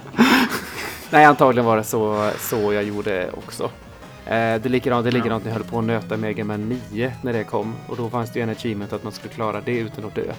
Eh, då Mm, hade jag ja, också gjort en save inför sista banan i hela Wiley där och så var det den jag nötte egentligen. Mm. Eh, det, det är så man får göra. Det är okej. Ja. Ja, det, det, ja, det, jag kan inte ens tänka mig hur det är att bara rusa igenom Shovel Knight utan att dö. Alltså jag, jag tittar på dig Propeller Knights-banan. Mm. Mm. Ja, den, den var... Alltså Propeller Knights bana den är ju liksom på ett luftskepp mer eller mindre. Och det är liksom bara... Det är ju endless of deadly pits överallt. Och Ja. sen är det vindar som blåser med dig, emot dig och som ändras Mm. om vartannat hit och dit. Ja, det var kul. Mm. Det var Ja. roligt. Mm. Mm. Jag skratt, skrattade hela tiden. Ja, eller hur? Men eh, ja, efter då, då man tar sig igenom och har ihjäl henne, The Enchantress, eh, och klarar spelet. Eh, jag känner mig ju, jag var ju väldigt glad där och nöjd, även om jag visste att jag hade mycket, mycket framför mig. Eh, men grundspelet tycker jag står jättebra på egna Mm. ben också. Även om det inte hade kommit en massa extra saker i efterhand. Så. Nej, det, jag, det finns... Alltså det finns ju inget som är dåligt gjort. Det är ett väldigt gediget hantverk. Mm. Mm. Det finns liksom så här, det är svårt att hitta någonting att klaga på. Det är så här, ah, men det, ah, det är så svårt. Jo, men det är så svårt du vill Mm. att det ska vara. Visst, sen så finns det, det är ju det här att du kommer dö. Har du svårt för det så är inte det här spelet för dig.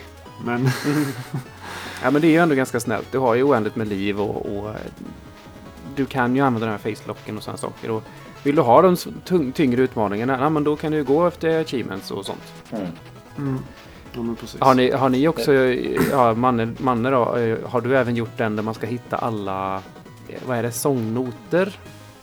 Eller vad det är? Eh, collect- den- den- ja, precis. Collectible, i alla fall.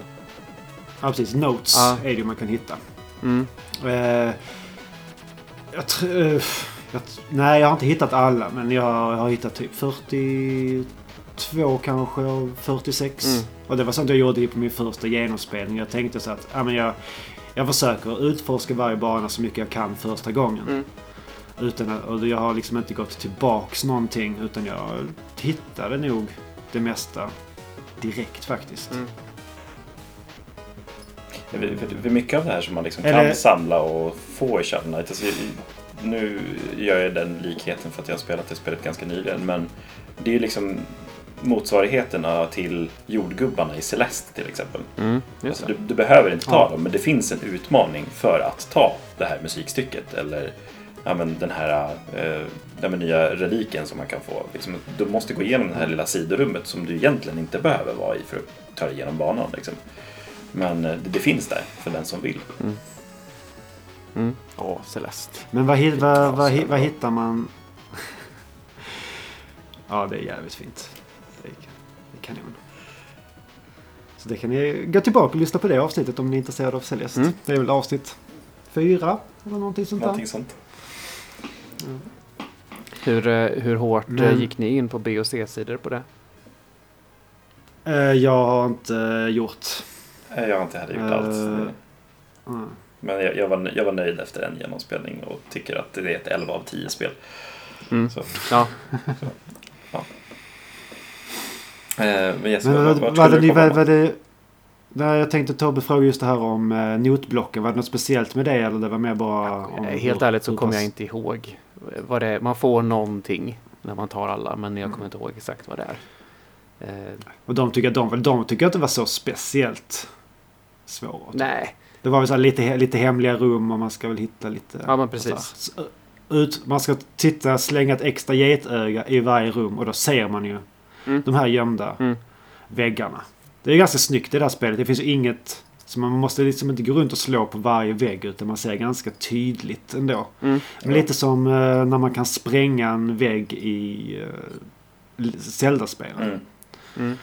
Ja, det är inte att man ska Ganska liksom springa till ett hörn i kanten på banan där det inte finns någonting att ducka i 30 sekunder för att det ska komma en virvelvind. liksom. Jävla Castlevania 2. Ja, så dum grej.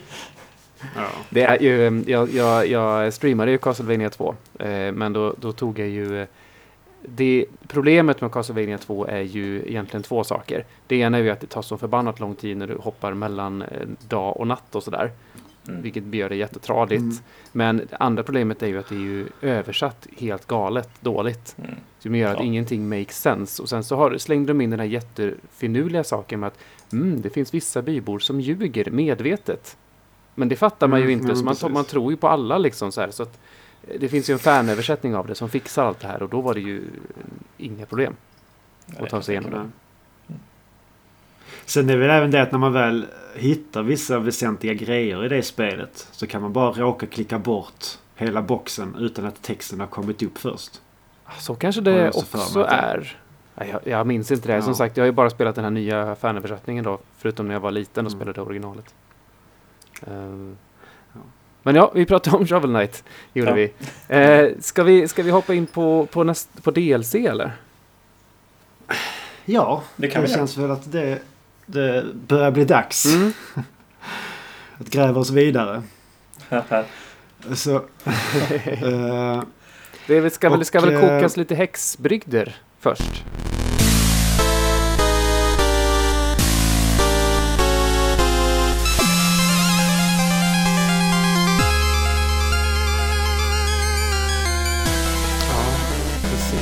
Det här är den jag har absolut minst koll på.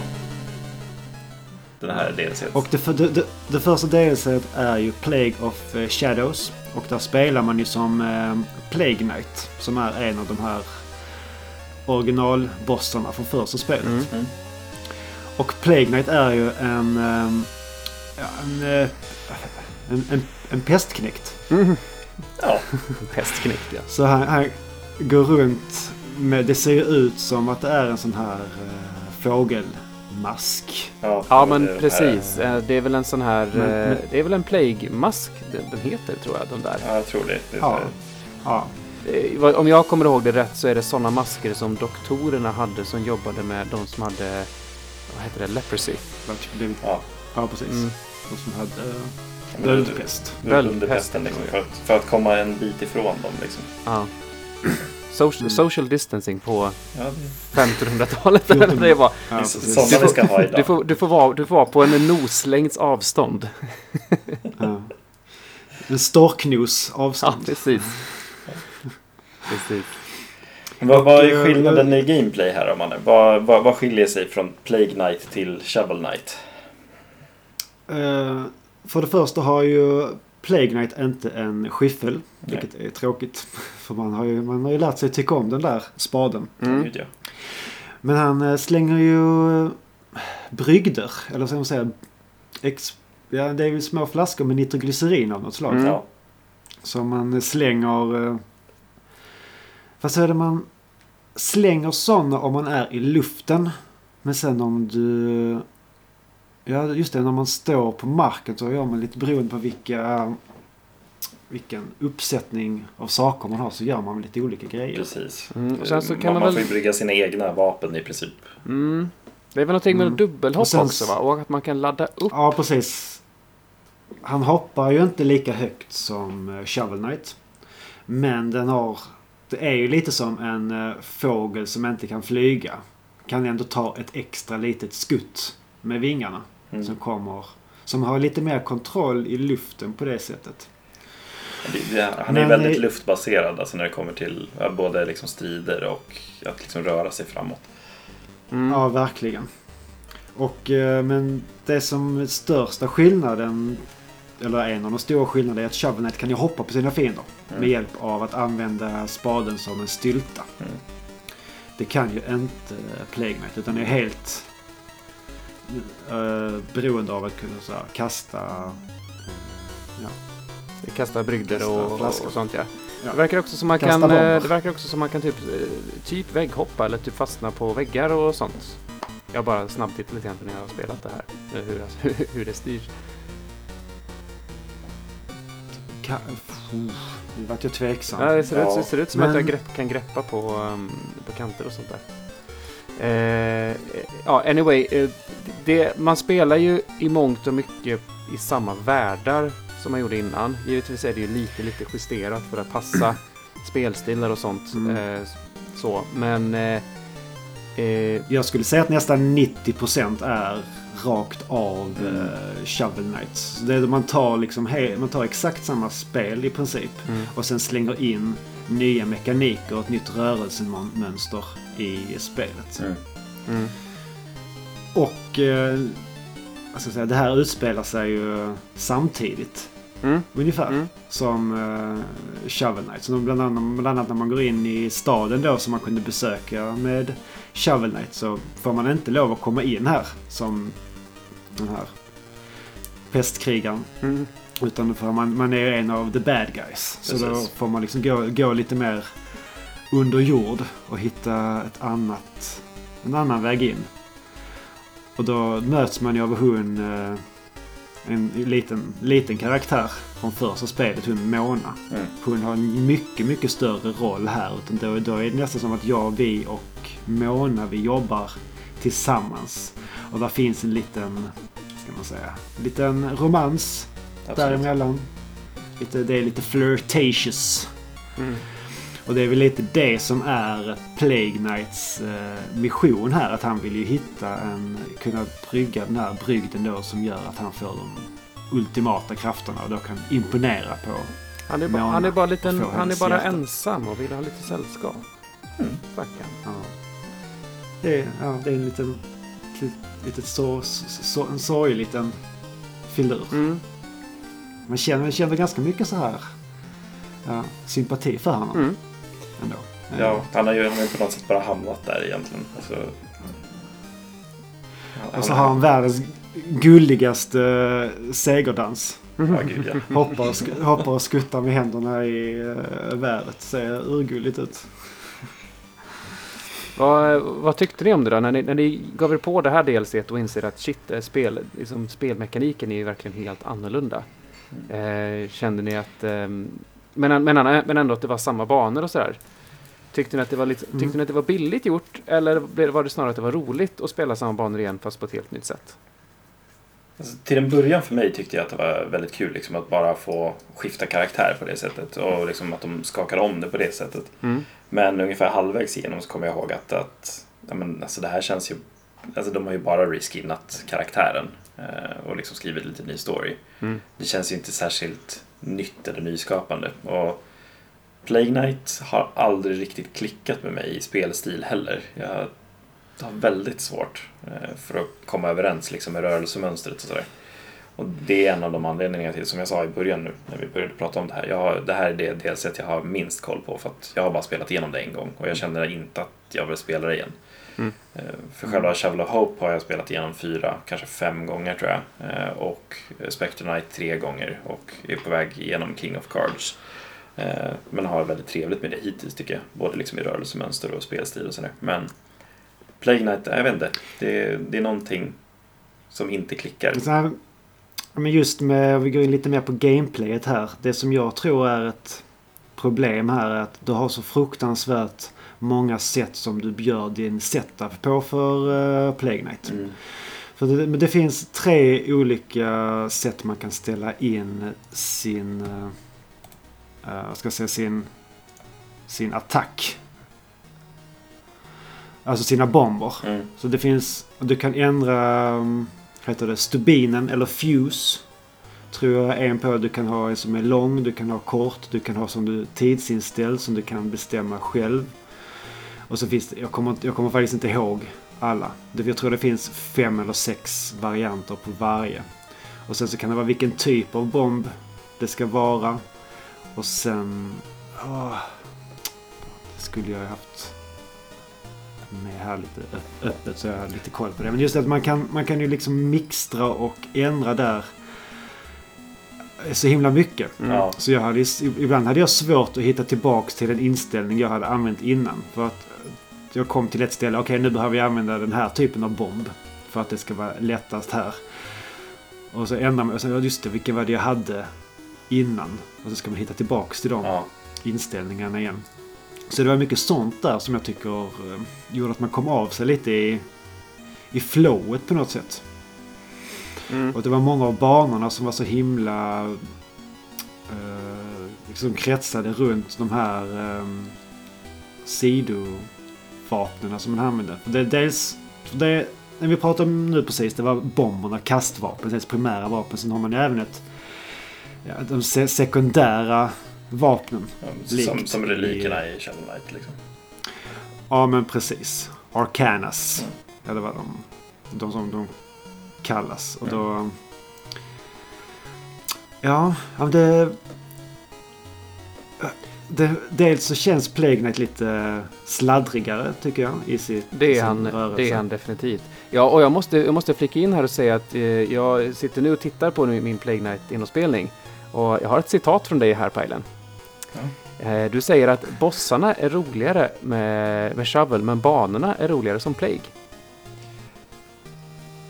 Mm. Det kanske jag tyckte. Citat Pajlen, 18 juni 2018. Ja.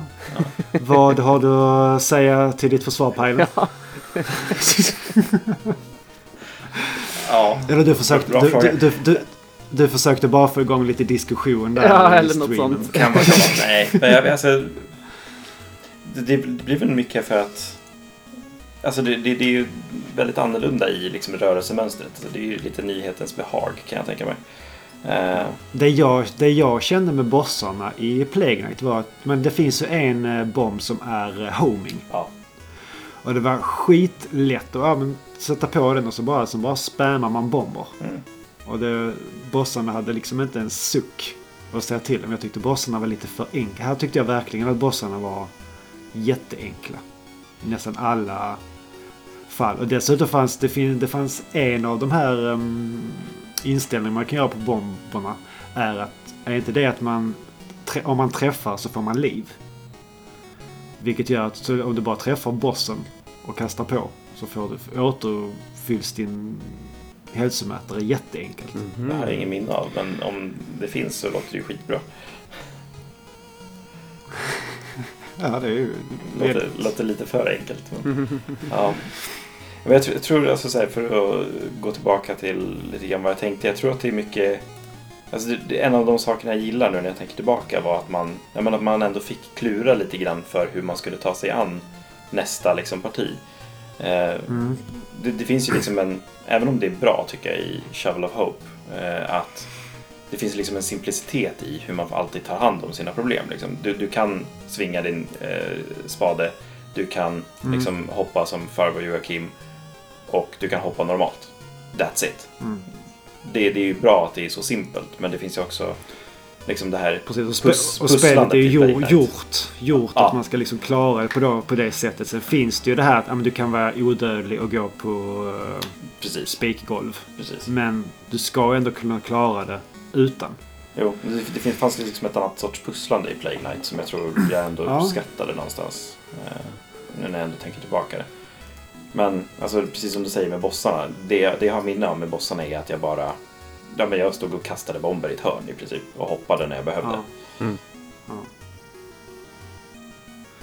Så det... Ja, det skiljer ju sig ja, väldigt mycket. Mm. Det jag tycker ju det här, är- det här är ju liksom det här är ju i princip, man, för man är ju, man spelar samma banor, man är i samma värld, man går runt på samma sätt. Men det som är så, det är kul här med dialogerna man har när man möter de andra. För man möter ju fortfarande samma bossar som i första spelet. Plus att man faktiskt får möta Shovel Knight då vid, vad är det, två tillfällen? Mm, Eller någonting sånt där. ja. Och det är ju lite kul att få möta, se hur kan man kunna för då tycker jag det var, så- det var sådär, så det var så enkelt att ha ihjäl Shovel Knight, bara bomba satan. Men är det inte en gång man möter Shovel Knight och, förl- och man måste förlora där? För det är ju det är så det händer egentligen i Shovel Knight-spelet.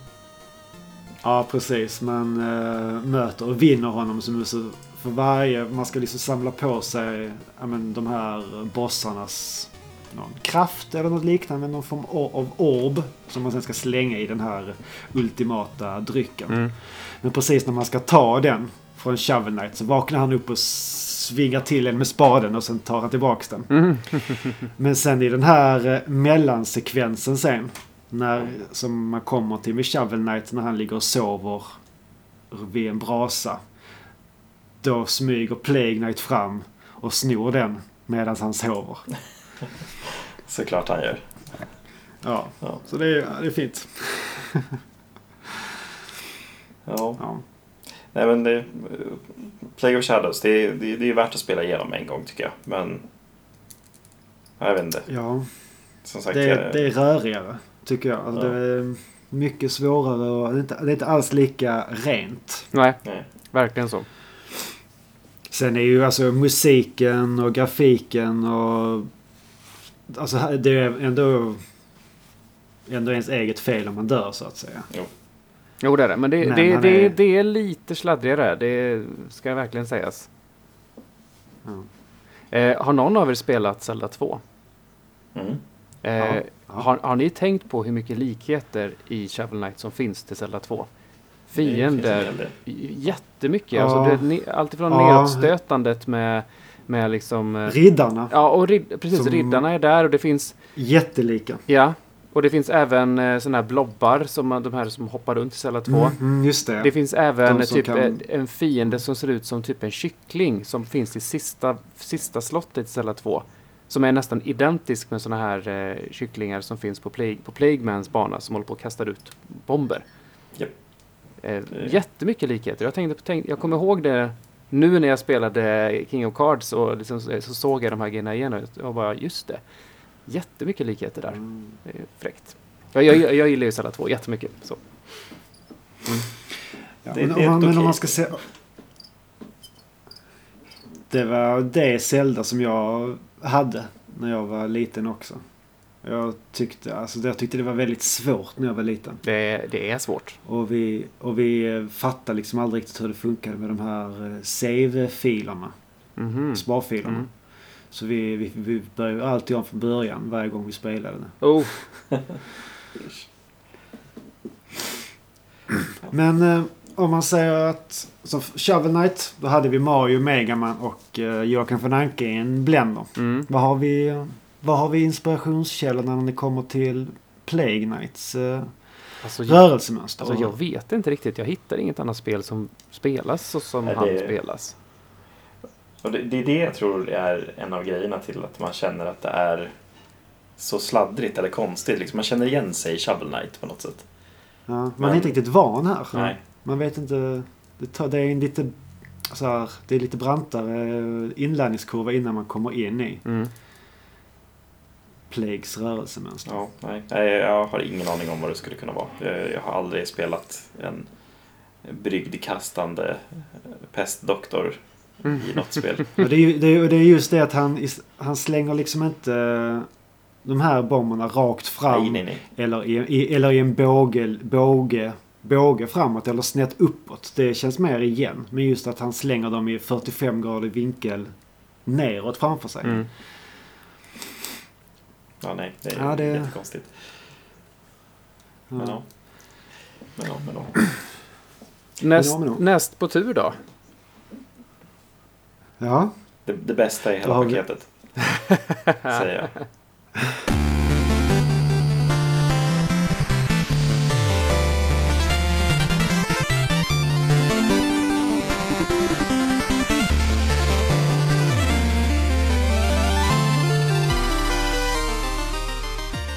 Ja, jag, jag funkar det jättebra med Spectre Knight också. Ja, jag älskar Ja. Spectre Knight.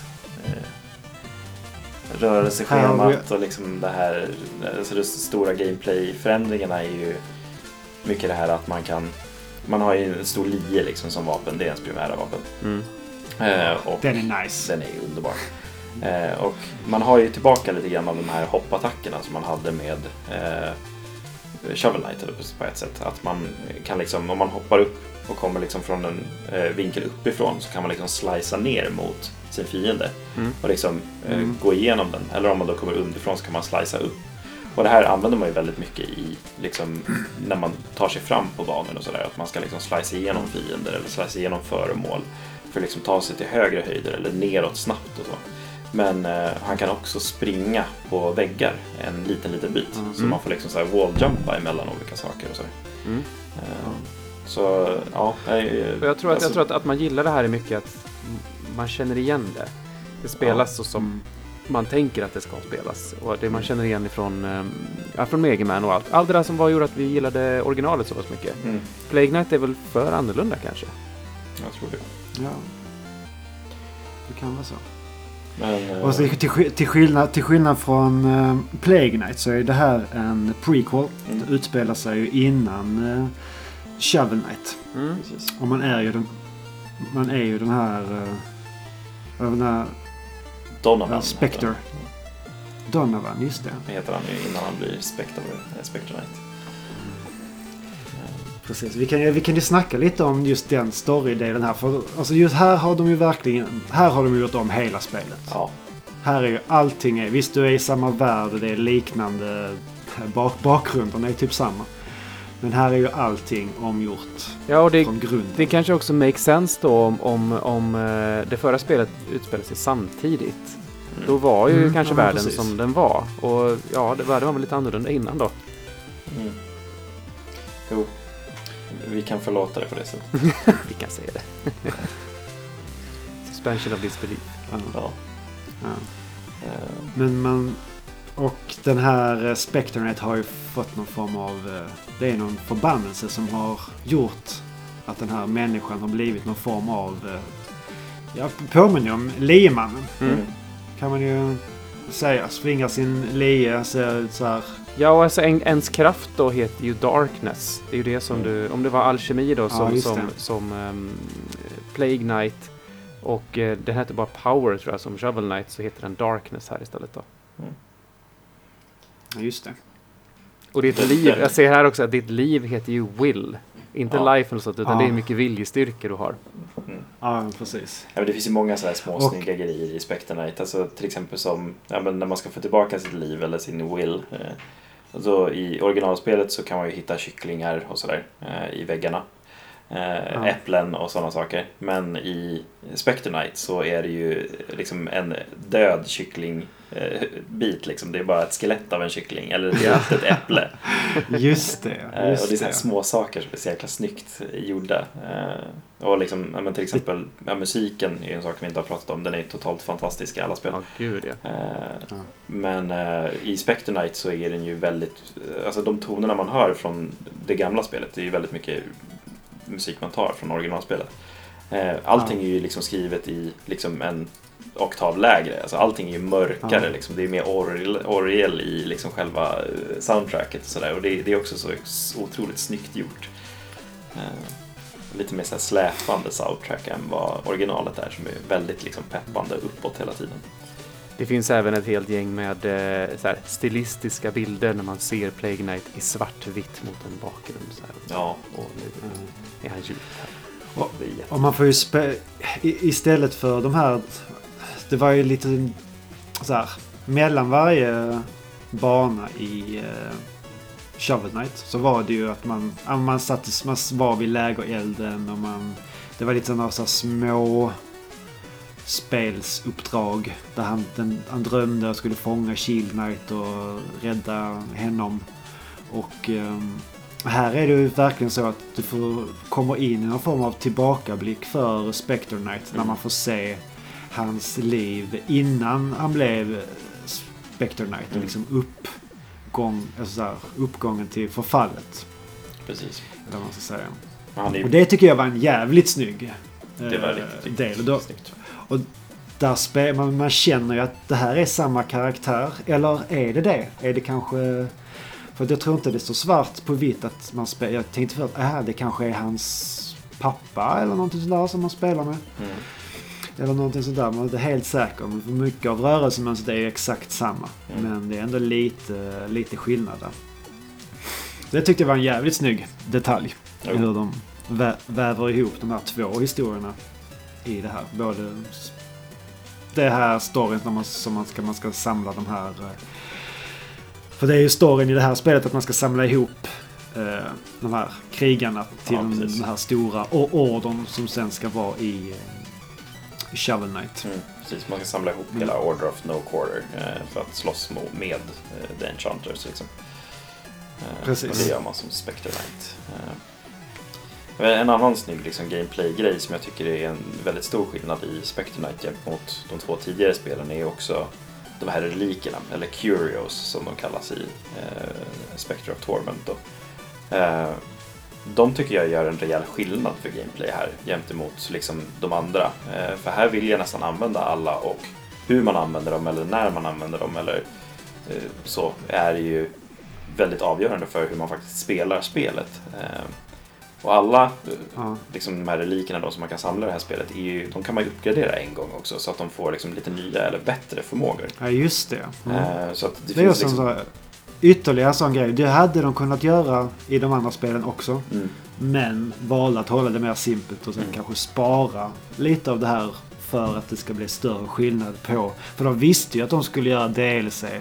redan från början. I och med att de hade gjort dem, kommit upp till de här målen. Så det kanske är en sån tanke att ja, men vi, vi sparar det till de andra spelen. Så, de, så det sticker ut lite där.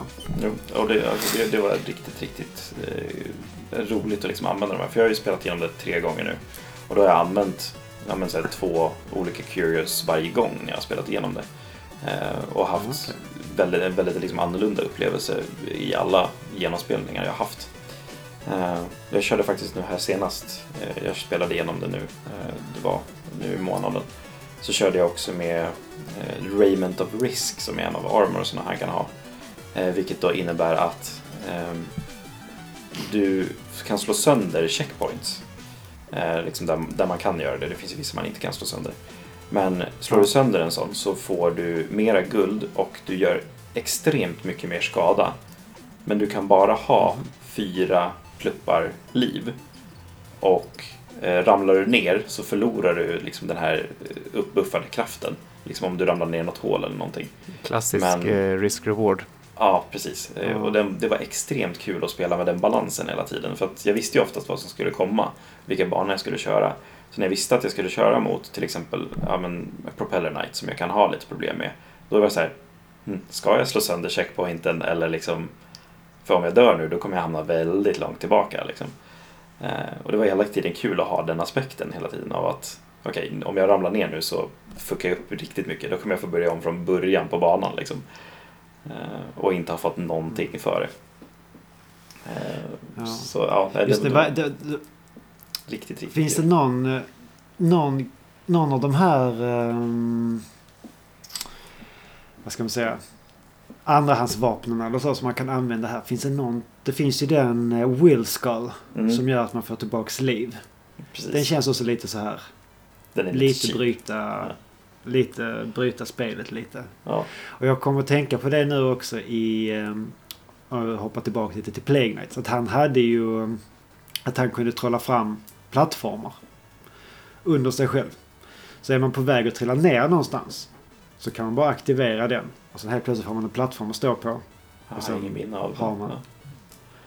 Ja, Det, det är det jag upptäckte, när jag väl upptäckte det så bara okej, men det är bara att ha på den. ja, Hela tiden så fort, så fort det är lite fara och färde och det är lite svåra plattformar så skulle man trilla ner så kan man bara rädda sig med det. ja, Jag tror att när jag spelar de här spelen då jag hade ju i tanken att jag skulle vara färdig med det här, de här spelen. Så här. Ja men i princip över påskledigheten för att ja, jag hade ingenting att göra. Det var liksom mycket, mycket tid till att spela. Så jag var lite så okej jag måste, måste skynda mig. Måste hitta liksom enklast och snabbaste sätt att komma igenom det. Så vi, visst, för vi, vi tänkte ju spela in det här i förra veckan. Från början, ursprungstanken. Mm. Men sen så var det ju skjutit på det, vilket var skönt för nu har man kunnat ägna ännu mer tid åt och verkligen kunna spela igenom allting Ja. lite mer ordentligt. I alla fall för min egen del. För det, och då just i uh, Plague Knights då att ha den här enkla life-savet. Att kunna, alltid, alltså att kunna göra plattform under sig. jo. Det kändes så här att Ja men det är återigen det här att men du gör det så svårt du vill att det ska vara. Precis. Precis. Och det, det, det kan man ju verkligen göra i eh, eh, Spectre of Torment också. Det finns ju riktigt Mm. bra Curious. Jag vet en som jag använde i första gången jag spelade igenom den. Man får den ganska sent här för mig. Eh, men man liksom glider genom luften och liksom kommer till närmsta fiende och slicear den en gång. Eh, den tar ju ganska mycket på den här darkness-mätaren men den kan man verkligen använda liksom när man ser Okej, men om jag hoppar upp på den här plattformen och sen bara hoppar en gång så är det en fiende där uppe och då kan jag skippa tre plattformar genom att bara använda den här liksom slicen som man bara åker igenom allting för. Eh, Så den kan man ju vara riktigt cheap med om man så vill. Eh, Så det, ja, det, det går att använda väldigt mycket olika av de här eh, curiousarna på väldigt roliga och eh, häftiga sätt faktiskt. Och verkligen ändra sättet man spelar på. Det är ju nästan så. Kommer den- du ihåg hur du använde Tobbe? Eh, nej, Ing- nej, jag ingen kom... skulle jag gissa. Nej, precis ingen. Alltså Pajlen, det, Fanns det det, låter några andrahandsvapen man kunde använda? Det är inget... Va? Fanns det något sånt? Va? Nej men Pajlen, det låter ju nästan som att du, som att du pratar om, om Dark Souls. Ja, När, när du säger sådana där grejer. ja det är Ja. builds i Ja, men princip. Ja. Så. Eh, Men ja, Det, det, det ger ju ett väldigt stort så här, omspelningsvärde på de här spelen. Just att man kan... Ja men nu ska jag bara köra... Ja men då som vi körde Tobbe, man kör Shovel Knight. Man kör bara spade liksom. Och få hitta den utmaningen. Mm. Eller så. Ja man lallar igenom och gör det lite så lätt för sig bara för att man, det är mysigt och kul och så här. Utan att mm. göra det allt för svårt. ja, nej men det är ju det, det, det är en bra st- story rakt igenom den här också tycker jag. Eh, roligt gameplay hela tiden och framförallt eh, liksom banorna som vi klagade på i Plague of Sh- Shadows som är liksom ganska mycket liknande. Här är det verkligen annorlunda. Och Mm. man får verkligen hela tiden använda eh, Plague Knights liksom rörelsemönster till sin fulla potential hela tiden. Och, eh, Tror ni att liksom de- hitta smarta sätt. Tror ni att de fick kritik för, eh, för det första DLC och sen fixade lite grann här? Eller hade de en plan hela tiden? Eller hur mycket har de hur mycket har de förändrat sig liksom? Efter eh, input? Alltså, alltså om man skulle ta de två senare DLCerna, liksom med Spectre Knight och King Knight och jämföra det med första så tycker jag att det känns ju väldigt, väldigt som att de har fått kritik och verkligen försökt göra något annorlunda med eh, både liksom Spectre Knight och King Knight. Mm.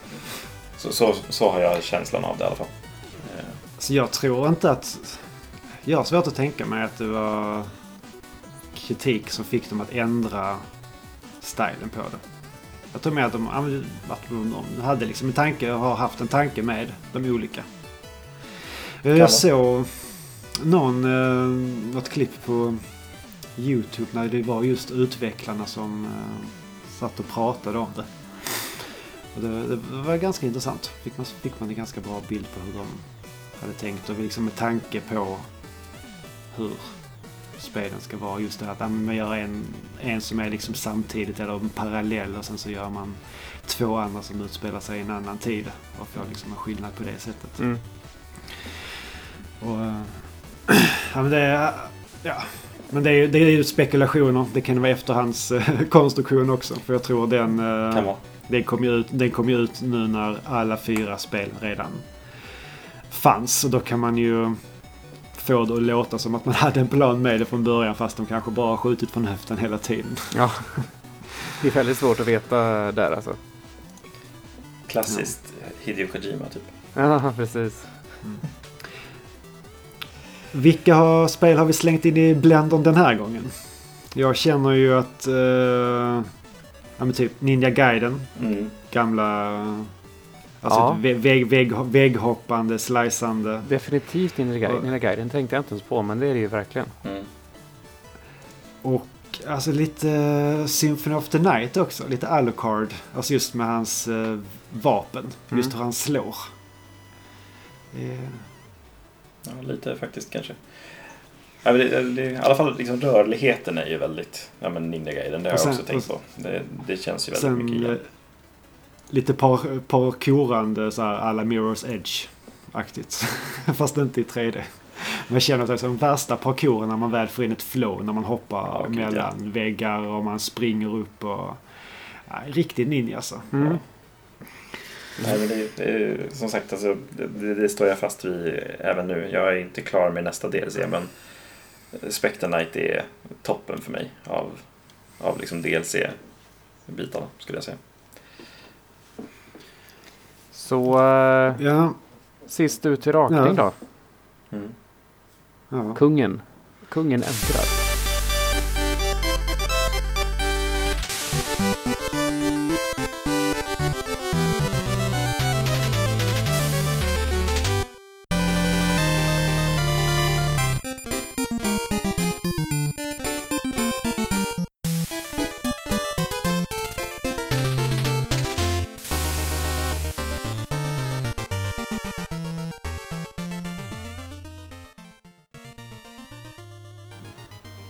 Kortknugen. Ja, precis. Här kan man ju verkligen säga annorlunda gameplay eh, jämfört med de eh, två tidigare, skulle jag säga. Ja, och det, Ja. ja. tittar vi på ti tiden här också när de här sakerna har släppts. Det är ju väldigt långt Ja, eh, i- emellan. Mm. Jag menar det släpptes ju nu här, alltså, alltså hösten, eller vad säger vintern, december 2019 va? ja jag tror det var något sånt. Ja. Och det har vi sagt.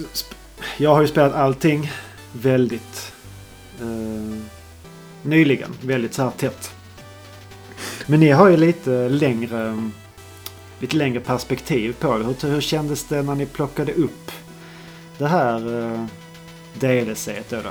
King of Cards. För mig så var det som att eh, lite grann komma hem igen. Eh, man återupptäckte, jag, mitt minne liksom väcktes ju för varje bana jag kom till. Att bara, oh, just det, det var ju det här och det här hände där och sånt. Och, Mm. så det tyckte jag var jättekul att spela det så här, så här långt efter. Musiken. Ja, musiken. Man Ja. återupptäcker musiken Ja, igen. ja. Bara en sån sak. Ja, nej men som sagt, jag, jag har ju faktiskt tagit mig an och klara det här spelet tidigare. Jag hoppade inte på det när det släpptes av någon anledning. Jag hade massa annat att spela säkert. Eh, Men så, så jag håller ju på att ta mig an den första gången nu. Jag har inte kommit superlångt. Men eh, alltså, jag gillar ändå det jag har spelat hittills. Eh, den stora liksom, skillnaden sådär rent rörelsemässigt för King Knight är att han har en sån här shoulder, shoulder bash i princip. Han tacklar. Mm. Eh, En rugbytackling. Ja, Precis, Han, han, det, vilket gör också att han kan flyga över eh, gap. Han, han, Ja, alltså, han flyger precis. ju verkligen fram. Han gör en liten piruett Mm. efter han har tacklat någonting. Ja, och den är ju jätteviktig för den används ju för att studsa vidare sen. Och, sen, sen, och då landar vi in i någon form av celestland sen ibland. Ja.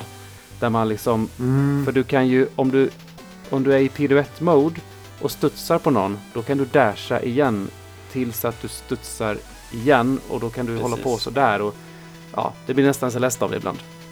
Jo, jag har verkligen... Det var någon bana jag spelade här ganska nyligen som jag var så här, men jag fattar liksom inte hur jag ska ta mig igenom det här rummet. Sen så fick jag verkligen sätta mig ner och tänka på liksom, okej, men alltså, om jag Mm. hoppar där, gör en shoulder bash, sen så gör jag piruetten, då hoppar jag på den, sen kan jag göra en dash åt sidan liksom. Och precis som du säger, det här Mm. Celeste-tänket igen, att man verkligen måste ja, men plattforma på ett annorlunda sätt. Eh, Mm. Och så. För man kommer ju i det, i det, i det här piruettläget som man säger. Det kommer man in i efter att man har träffat en vägg eller en fiende. Precis. Och sen, sen så studsar man upp lite grann och sen så snurrar man runt och sen så är det precis som att man har uh, styltan från Shovel Knight. Mm. Att man liksom så kan studsa på fiender och ta sig fram på det sättet. Så det, det känner man ju igen. Den mekaniken, det är rakt av. Det tog ett tag att komma in i det för mig. Det tog en två, tre banor ändå. Alltså, man, man, jag, tänkte att jag hade det down efter första liksom, testbanan där, men nej, det, det tog en stund. Ja. I alla fall för mig. Ja. Jag måste säga att jag, jag gillar eh, eh, mekaniken i eh, King Knight. Mm. Jag tycker den, den, är, den är väldigt clean. Mm. Här, inga, inga krusiduller där inte. Nej. I alla fall om man spelar på eh, med... Om man inte använder sig så jättemycket av hans andra vapen. Och här finns ju en... Det finns en jäkla massa Här- vapen och jag använder ju typ ingenting av det. Ja. Nej, men jag tycker han har jävligt... Han har skitcoola vapen. Tycker Ja. jag. Mm. Alltså, något, något episkt så här eldsvärd som han eh, slingar runt sig. Mm. Och, så, och eh, vad är det mer han har? Jag, jag fick ju Någonting. precis den här dueling glove. Just det, han har... Den tycker jag är skitkul. När man bara har den här handsken som man viftar framför sig liksom, som att man ska duellera. Liksom. Just det. Ja, vi måste också säga det att eh, King Knight när man eh, börjar det här spelet. Han är ju inte kung. Nej, Nej, nej, nej. Han är ju bara en aning narcissistisk. Kan man väl säga. Ja, men precis. Han är en sån stöddig, eh, så här, så pubertal snorunge som tror att han är, är häftigare än vad han är. Ja, jag så älskar får också att han bor med sin mamma. Ja, de håller på att ge honom bannor hela tiden. Ja. Ja, men precis. Det är så här fruktansvärt så här gullinuttig och snufseplufs och Ja. så här. Det är, det, är verk, det är verkligen mammas, mammas boy. Ja, Mm. gud ja. Och alltså det, det var ju jättemycket sånt där flum-flum i, i humorn i det här spelet också. Där mamman blir typ, typ ihop. Man får ju liksom se hur hon och kungen... Spoiler här nu alltså. Men det är ingen fara. Man får ju se hur, hon, hur, hur mamman och kungen blir mer och mer liksom så här puttinuttiga med varandra. Och, och, och King Knight Ja. bara nej, nej, nej, sluta, jag vill inte se. Mom, stop it! I, I can't take this anymore. Ja, gud. Jag längtar. Uh, nej, men uh, och där har vi liksom... För han, King Knights mål är hela tiden att han ska bli kung. Kung över Mm. någonting. Det spelar ingen roll. Uh, och han har ju fått höra då... det, det, nej, fortsätt. Okej, ja. Mm, får, Eh, man får liksom eh, då reda på att okej, men det, det finns det här Joustus som är ett sorts kortspel och klår man alla Joustus eh, judges, alltså domarna då, så blir man the king of Joustus. Eh, och det, det är liksom målet med spelet, att man ska eh, bli den kungen. Liksom. Mm. För då är man ju kung på någonting i alla Ja, fall. precis. Så då är man lite de- delvis nått upp i sitt mål. Och det här Ska vi prata lite om... eh, Joustus. Joustus. Ja, för det, det är ju den största skillnaden med det här spelet. Det är ju liksom ett kortspel. Eh, Ja. Mitt i allting. Eh, så det är ju plattformande och det är bossar och det är kortspel. Mm. Man i va- det finns tre eh, världar som man åker till. mm. Och i varje värld så finns det ett Joustus House. Eller ett, ja, ett ställe där man kan eh, spela kort. Och där finns... Eh, kan man gå fram till folk och utmana dem i det här kortspelet då. Och det handlar om att man får en eh, spelplan med rutor. Och så ska man fylla upp den med sina kort. Och på eh, det här spelplanet då så finns det ett antal... Eh, vad ska man säga? Det är ett par av de här rutorna har en...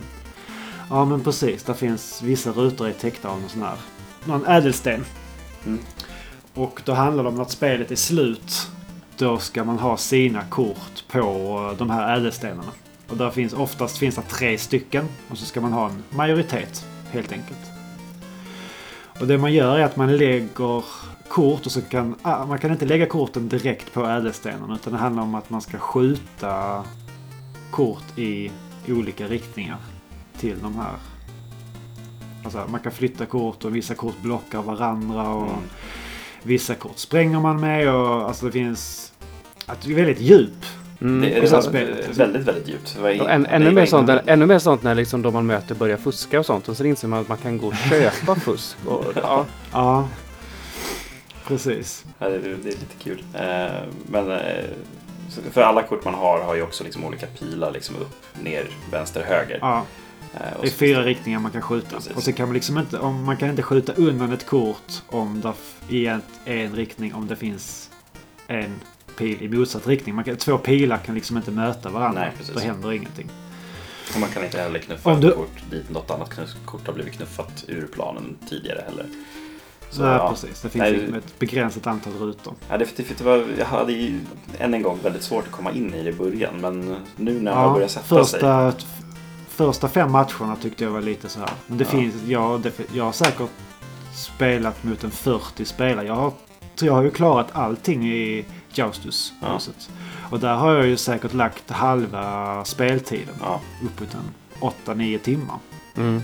Den största, skillnaden här är ju egentligen att så här, till exempel bara banorna som man spelar. Som att det finns fortfarande de här plattformsmomenten och det finns liksom de här bossbanorna. Och det är ju väldigt annorlunda banor utifrån eh, grundspelet. Eh, Men de är ganska korta, Mm, De är mycket, inte mycket alls kortare. lika långa.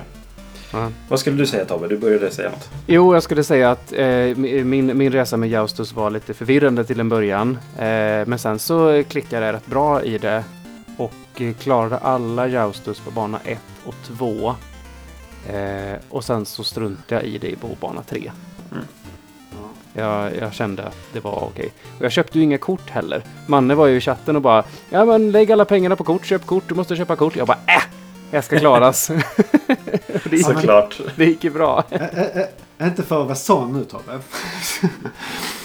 Eh, visst, det är nice med utmaningar och så här, men just när man kommer upp. Nu, det, det gick ju bra för dig. Men det är väl lite så här att du hade, det ser ut som du hade lite medvind Ja.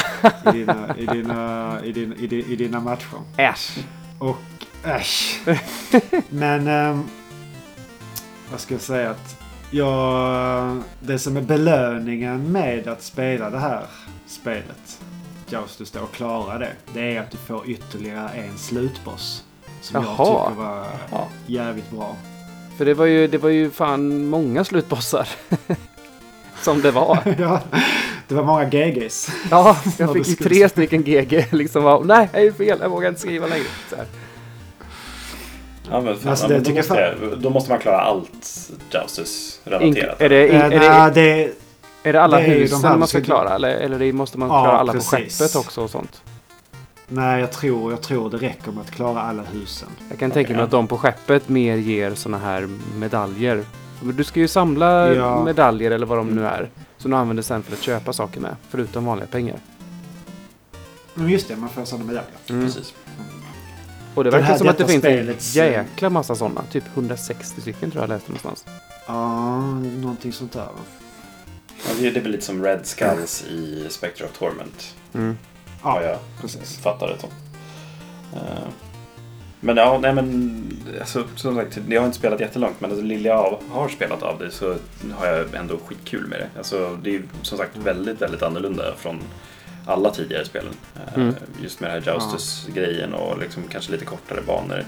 Men alltså, det är över, överlag mer plattformande och mer plattformstänkande i det här tycker jag. Mm. Eh, Mm. Och verkligen använda King Knights förmågor till ja, men, sitt sitt fullo. Eh, Verkligen. Och då är du bara i början. Mm. Det blir liksom ännu mer det här i slutet. Man måste tajma med. Okej, nu kan jag... Den här väggen, den kan jag dasha i och få en uppåtsnurr. Men det kan jag inte på alla väggar. Nej. Och just att man måste vara med och se det. Ha lite koll på det innan man går in Jo. i situationer. Och mycket, mycket så här planerande. För det, det är lite det här jag känner just nu, så här, om man ska sen titta liksom till sin helhet. När jag är klar med King Knight, kommer jag liksom kunna sätta det här mot Spectre Knights? Eh, dels, alltså för det känns ju väldigt, väldigt annorlunda. Går det ens att är det. jämföra? Ja, jag tycker också det, det, det är liksom helt olika spel. Ja. Visst, det är samma värld. Och det är samma grafik och samma ljud. Ja, Men spelen är helt olika. ja. Och det, det gillar jag. Jag älskar att de har tagit ut svängarna så pass här, så här mycket som de har gjort i det här eh, DLCt. Mm. Eh, Och jag har för mig att det är upp mot en 40 banor. Bara plattformsbanor i... Mm. eh, Det kan det nog vara. För som sagt, de är ju ganska korta. Många Mm. av dem. Men det gör Mm. ingenting. För det gör att de kan ju ha väldig bredd på, um, på banan. Och liksom experimentera runt lite grann hit och dit. Och, ja. mm. ja, men det, det märks Sen ju att de har gjort det- ett, spel, ett, ett par spel innan de har gjort det här. Ja. ja, men verkligen. Sen det som är, det som är ehm, gemensamt för alla DLC-erna jämfört med Shovel Knight var att i Shovel Knight då fick du de här andrahandsvapnet. Så fick du det och sen så skulle du bara börja använda det. Mm, de var Medans tvungna att hitta dem på i- banorna bara. Så var det. Ja, precis. Mm. Och så, ja, men så var det kanske i Plague of Shadows också. Men Nej, sen i då, där Spectre var Knight. man eh, tvungen att köpa dem i Red Skulls. Som man fick på banan.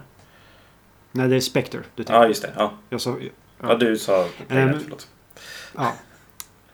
Ja, det, jag, jag blandar också ihop de Ja, två hela ja, tiden. gör det.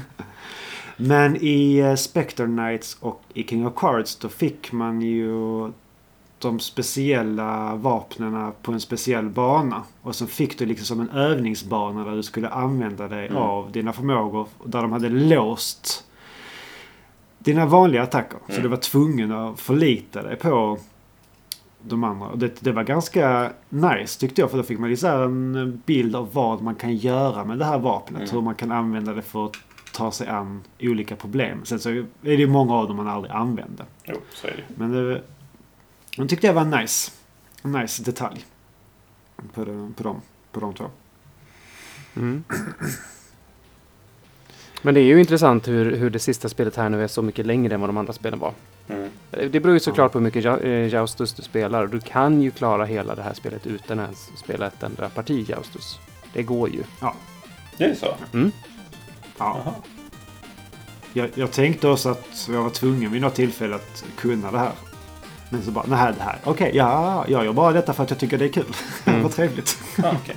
Och det är ju också väldigt kul hur det här, eh, hur det här syr ihop med, med... För det här är också en prequel ju. Jag vet inte om vi sa det, men Mm. det är också en prequel. Och eh, hur det här syr ihop med, att- med att eh, King Knight blir rekryterad av The Enchantress och, och, eh, och, och sen bara... Nej, fuck det här jävla Joustus-spelet. Jag bannar det i hela kunga, kungariket. Bort! Rän upp alla kort, riv upp dem och bara, nej, bort! Det finns inte längre. Nej, det är, och det är därför Jag det är inte finns sen. Ja, här, det ni nämner nu just med att det är en prequel. eh, det har jag så svårt att få förståelse för. För jag hade jättesvårt att greppa vart King Knight DC befinner sig. För att ah, han är inte med i Order of No Quarter. Men man möter Spectre Knight i spelet. Man möter alla Knights. Ja. Precis. Och rekryterar inte Spectre Knight King Knight i sitt DLC som då är en prequel? Alltså jag tror att... eh, jo, det gör han Jag nog. tror, de utspelas, jag tror de utspelar sig lite parallellt Ja. där också. Eh, Ja. för, för i slutet på spelet så, The Enchantress säger ju i princip att... För man spöar ju The Enchantress eh, Ja. och sådär. Och då säger hon att mm, bra jobbat och, och sådär. Och, och, ehm, men du, eh, du vill ju ha... För då, då hänger alla hans vänner och sånt precis på samma sätt som bossarna gör. Då hänger Ja. de från kanten sådär. Och han bara, du, eh, du kan få alla de här grejerna som du vill ha. Ett kungarike och du kan bli kung istället för han Pridemore och, och sånt. Och du, du får ditt, ditt kungarike och sådär. Bara du he, he, liksom hänger med mig nu. Och han bara hmm. Okej, Mm. Och de andra bara, och några, hallå, hallå, hallå, vi är dina kompisar. Och han bara hmm. Skit väl jag jag ska bli kung. Ja, precis. Ja. Så han tar, han tar ju den grejen då. Och, och då tackade hon ju, äran framför allt. eh, hon tackar väl Spectre Knight för att han har eh, fixat in honom då. Något Okej. sånt. För det finns någon Och sen där. så i, sl- i eftertexterna här så får man också se Spectre Knight sitta i sitt slott. Han går liksom dit där man hittar honom typ i det DLCet. Mm. Okej. Så det är ju liksom så här, Ja. ja men... Eller ja, det, det, det är ganska så... Ja, jag, jag får, får se om jag får någon större förståelse för det sen. Det, det är Men, någon men jag, du, motsättning. såg, jag, jag såg på din... Du sa det i din eh, stream Tobbe att eh, det här var antagligen sista gången du gick in i eh, eh, Shovel Knight eller King Knight överhuvudtaget. Och jag tänkte, ah, men du, jag tror nog att du vill testa den där bossen alltså. Ja, nu blir, ju, ex- nu blir jag ju sugen om du säger att det finns en till boss där. Och jag tyckte, Och jag, jag- tyckte jag- ju väl att Joustus-grejen var ganska kul. Eh, men, jag, Mm. men eh, det var lite så här att jag, var, kände mig lite stressad för att vi skulle ju egentligen ha Ja, spelat, det- spelat in samma dag som jag klarade det. Så det var så här, "Nej, jag, be, jag behöver forsa igenom det här nu. Ja, ja, men jag förstår det. Och sen är vi lite där att sitta och spela ett kortspel. Eh, på stream, På ja det ska vi inte säga. stream, Alla de här som spelar eh, Hearthstone. Hearthstone. Eh, sant, sant. Ja, men då går du in för att titta på ett kortspel. Här går du in för att se lite mer plattformsaction kanske. Mm, mm. Tänker jag. Hur, Eller eh, jag tänker att så. Eh, Hur, ehm, det, det kommer inte bli några fler DLCs, vilket är synd. Det hade varit kul om de gjorde ett för alla. Alla bossar. Ja. Ja. Vilken boss skulle ni vilja se ett DLC av? Tinker Knight. Ja, hur, hur hade den sett Man, skulle, Eh, ja, men man, ska bara köra, man, man ska bara köra runt i hans meckrobot hela tiden. Man får samla delar och bygga sin egen. Ja, Typ Armored Ja, Core. ja, det, är det, det är den man bygger i slutet. Ja, Man samlar liksom olika delar till slut är man färdig med den här stora borren som Mm. han Ja. har gjort. du Manne, jag har en fråga. Ja. Och det är... Ja. Du som har spelat alla de här i, ihop, du kanske kommer ihåg då. Men eh, på ett ställe så, så går jag in i en värld och öppnar upp en skattkista. Och där finns en ros. Och så säger de att det här ska, du, det här ska du ge till någon som du eh, som ska förtjäna den eller som du gillar eller någonting sånt där. Och jag kunde inte hitta Ja. vem som jag skulle ge den till. Och jag kan inte liksom knyta ihop det här med vad det är.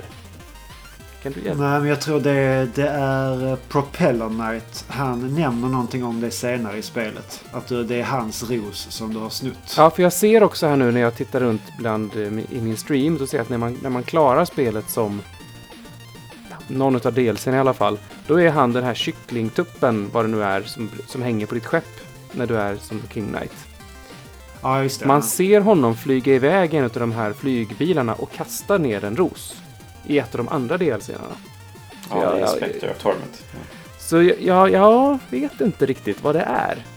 En annan fråga som jag har det är ju att på ett ställe så finns det ju en så här en, en ravin.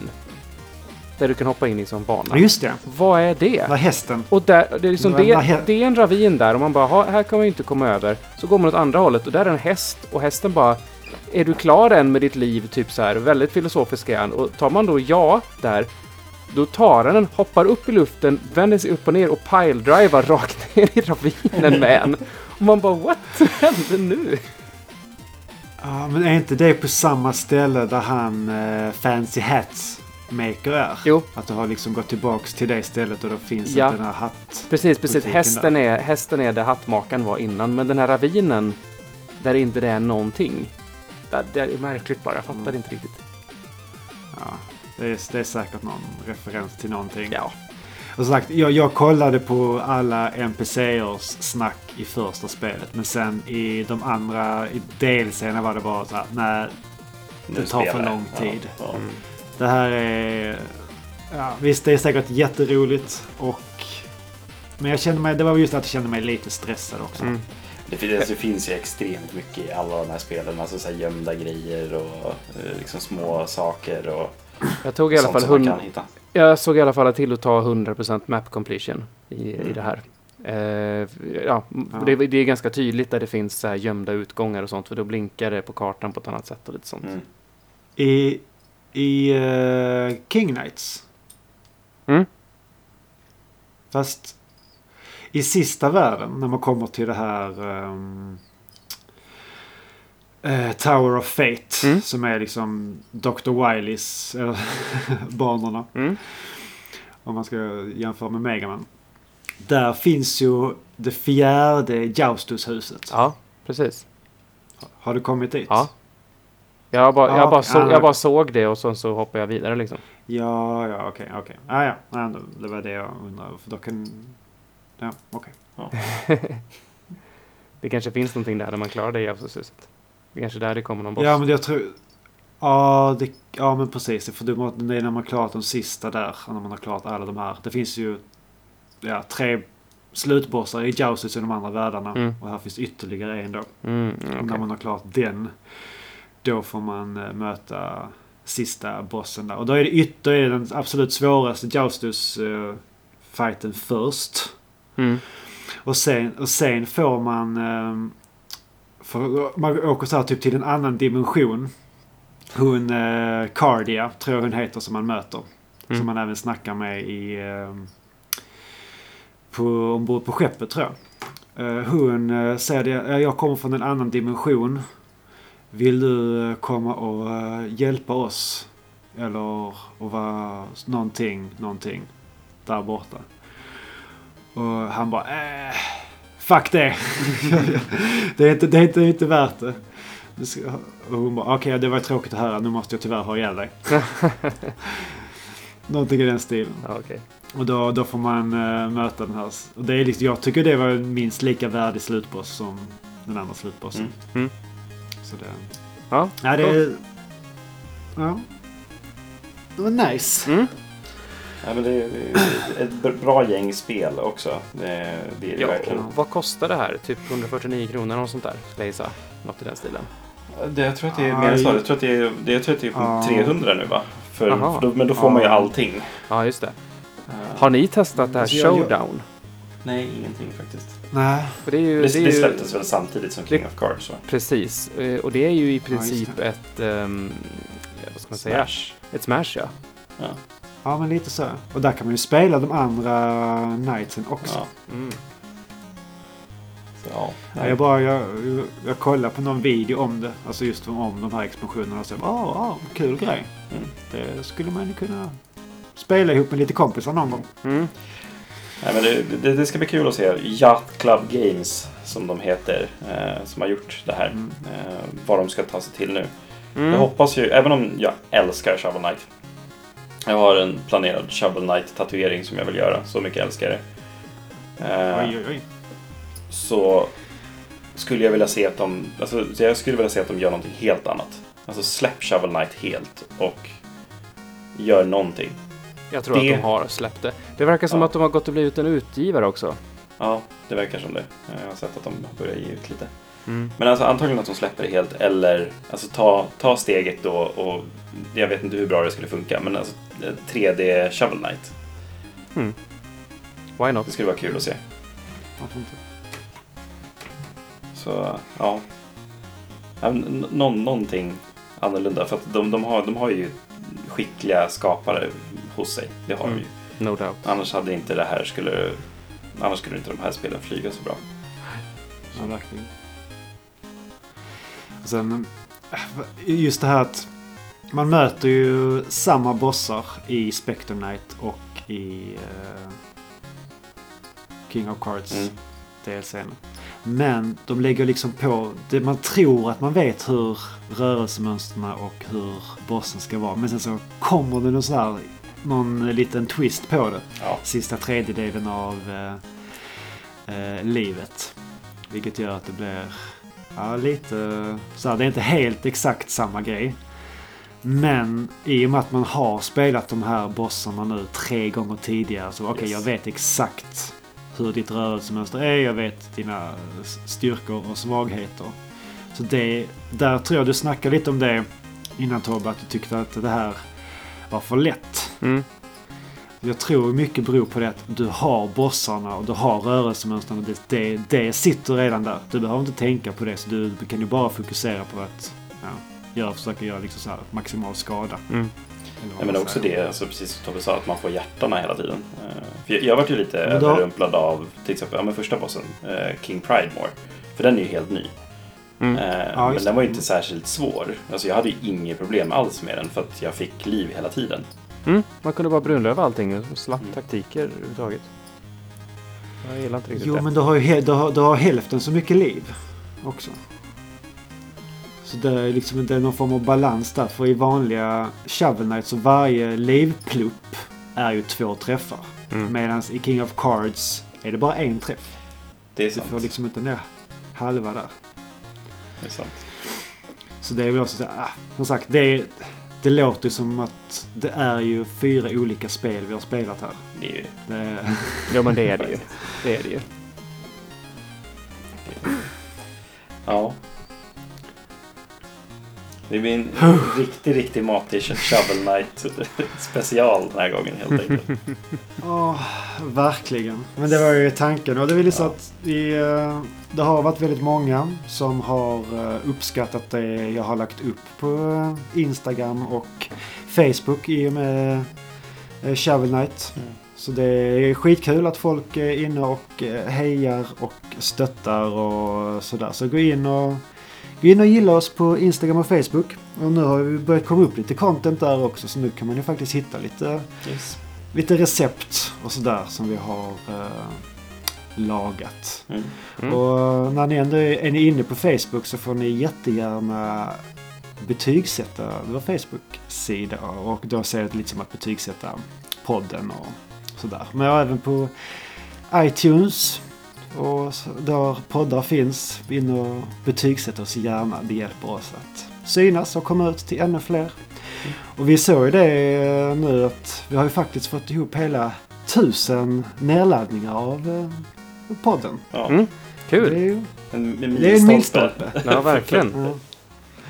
Det är inga hun- 140 000 prenumeranter på eh, Twitch. Men eh, Det roliga var att alla de här 140 000, de kom ju under tiden, jag tror att de kom när jag klättrade i evighetsstegen i Metal Solid 3. Ja, men det, det är välförtjänt. Jag tycker att det är Det- det är välförtjänt. Det, spännande är, det är inte alls någon som har försökt göra en bottattack på oss, inte alls. Nej, nej, nej. nej, nej, nej. jag tycker ni ska ta all cred Ja, vi, för det där. jag har ju blivit av med alla Det- de här också sedan dess. Så att jag, Du får gå tillbaka Men, till eh, stegen helt enkelt. ja, precis. Men hur måste, många följare är det ni har på Twitch? Det är väl ändå... jag försöker se det någonstans. Jag vet, inte- jag vet inte ens var jag ser det. Följare, Det är en här bra fråga. Ja, nu, nu, nu, nu är vi är bara nere i 7000 följare nu. Ah, Dans. Men eh, Tobbe, Mm. vart hittar man dig? Svampriket.se. Det är väl det bästa sättet att hitta, Ja. hitta mig på. Eh, annars, annars heter jag ju Tobbe Fix på allsköns eh, sociala medier. Precis. Ja. Men då så. och det har varit, Det är nog så. Ja, det har varit Enklast så. väldigt roligt att eh, ha dig med oss. Mm.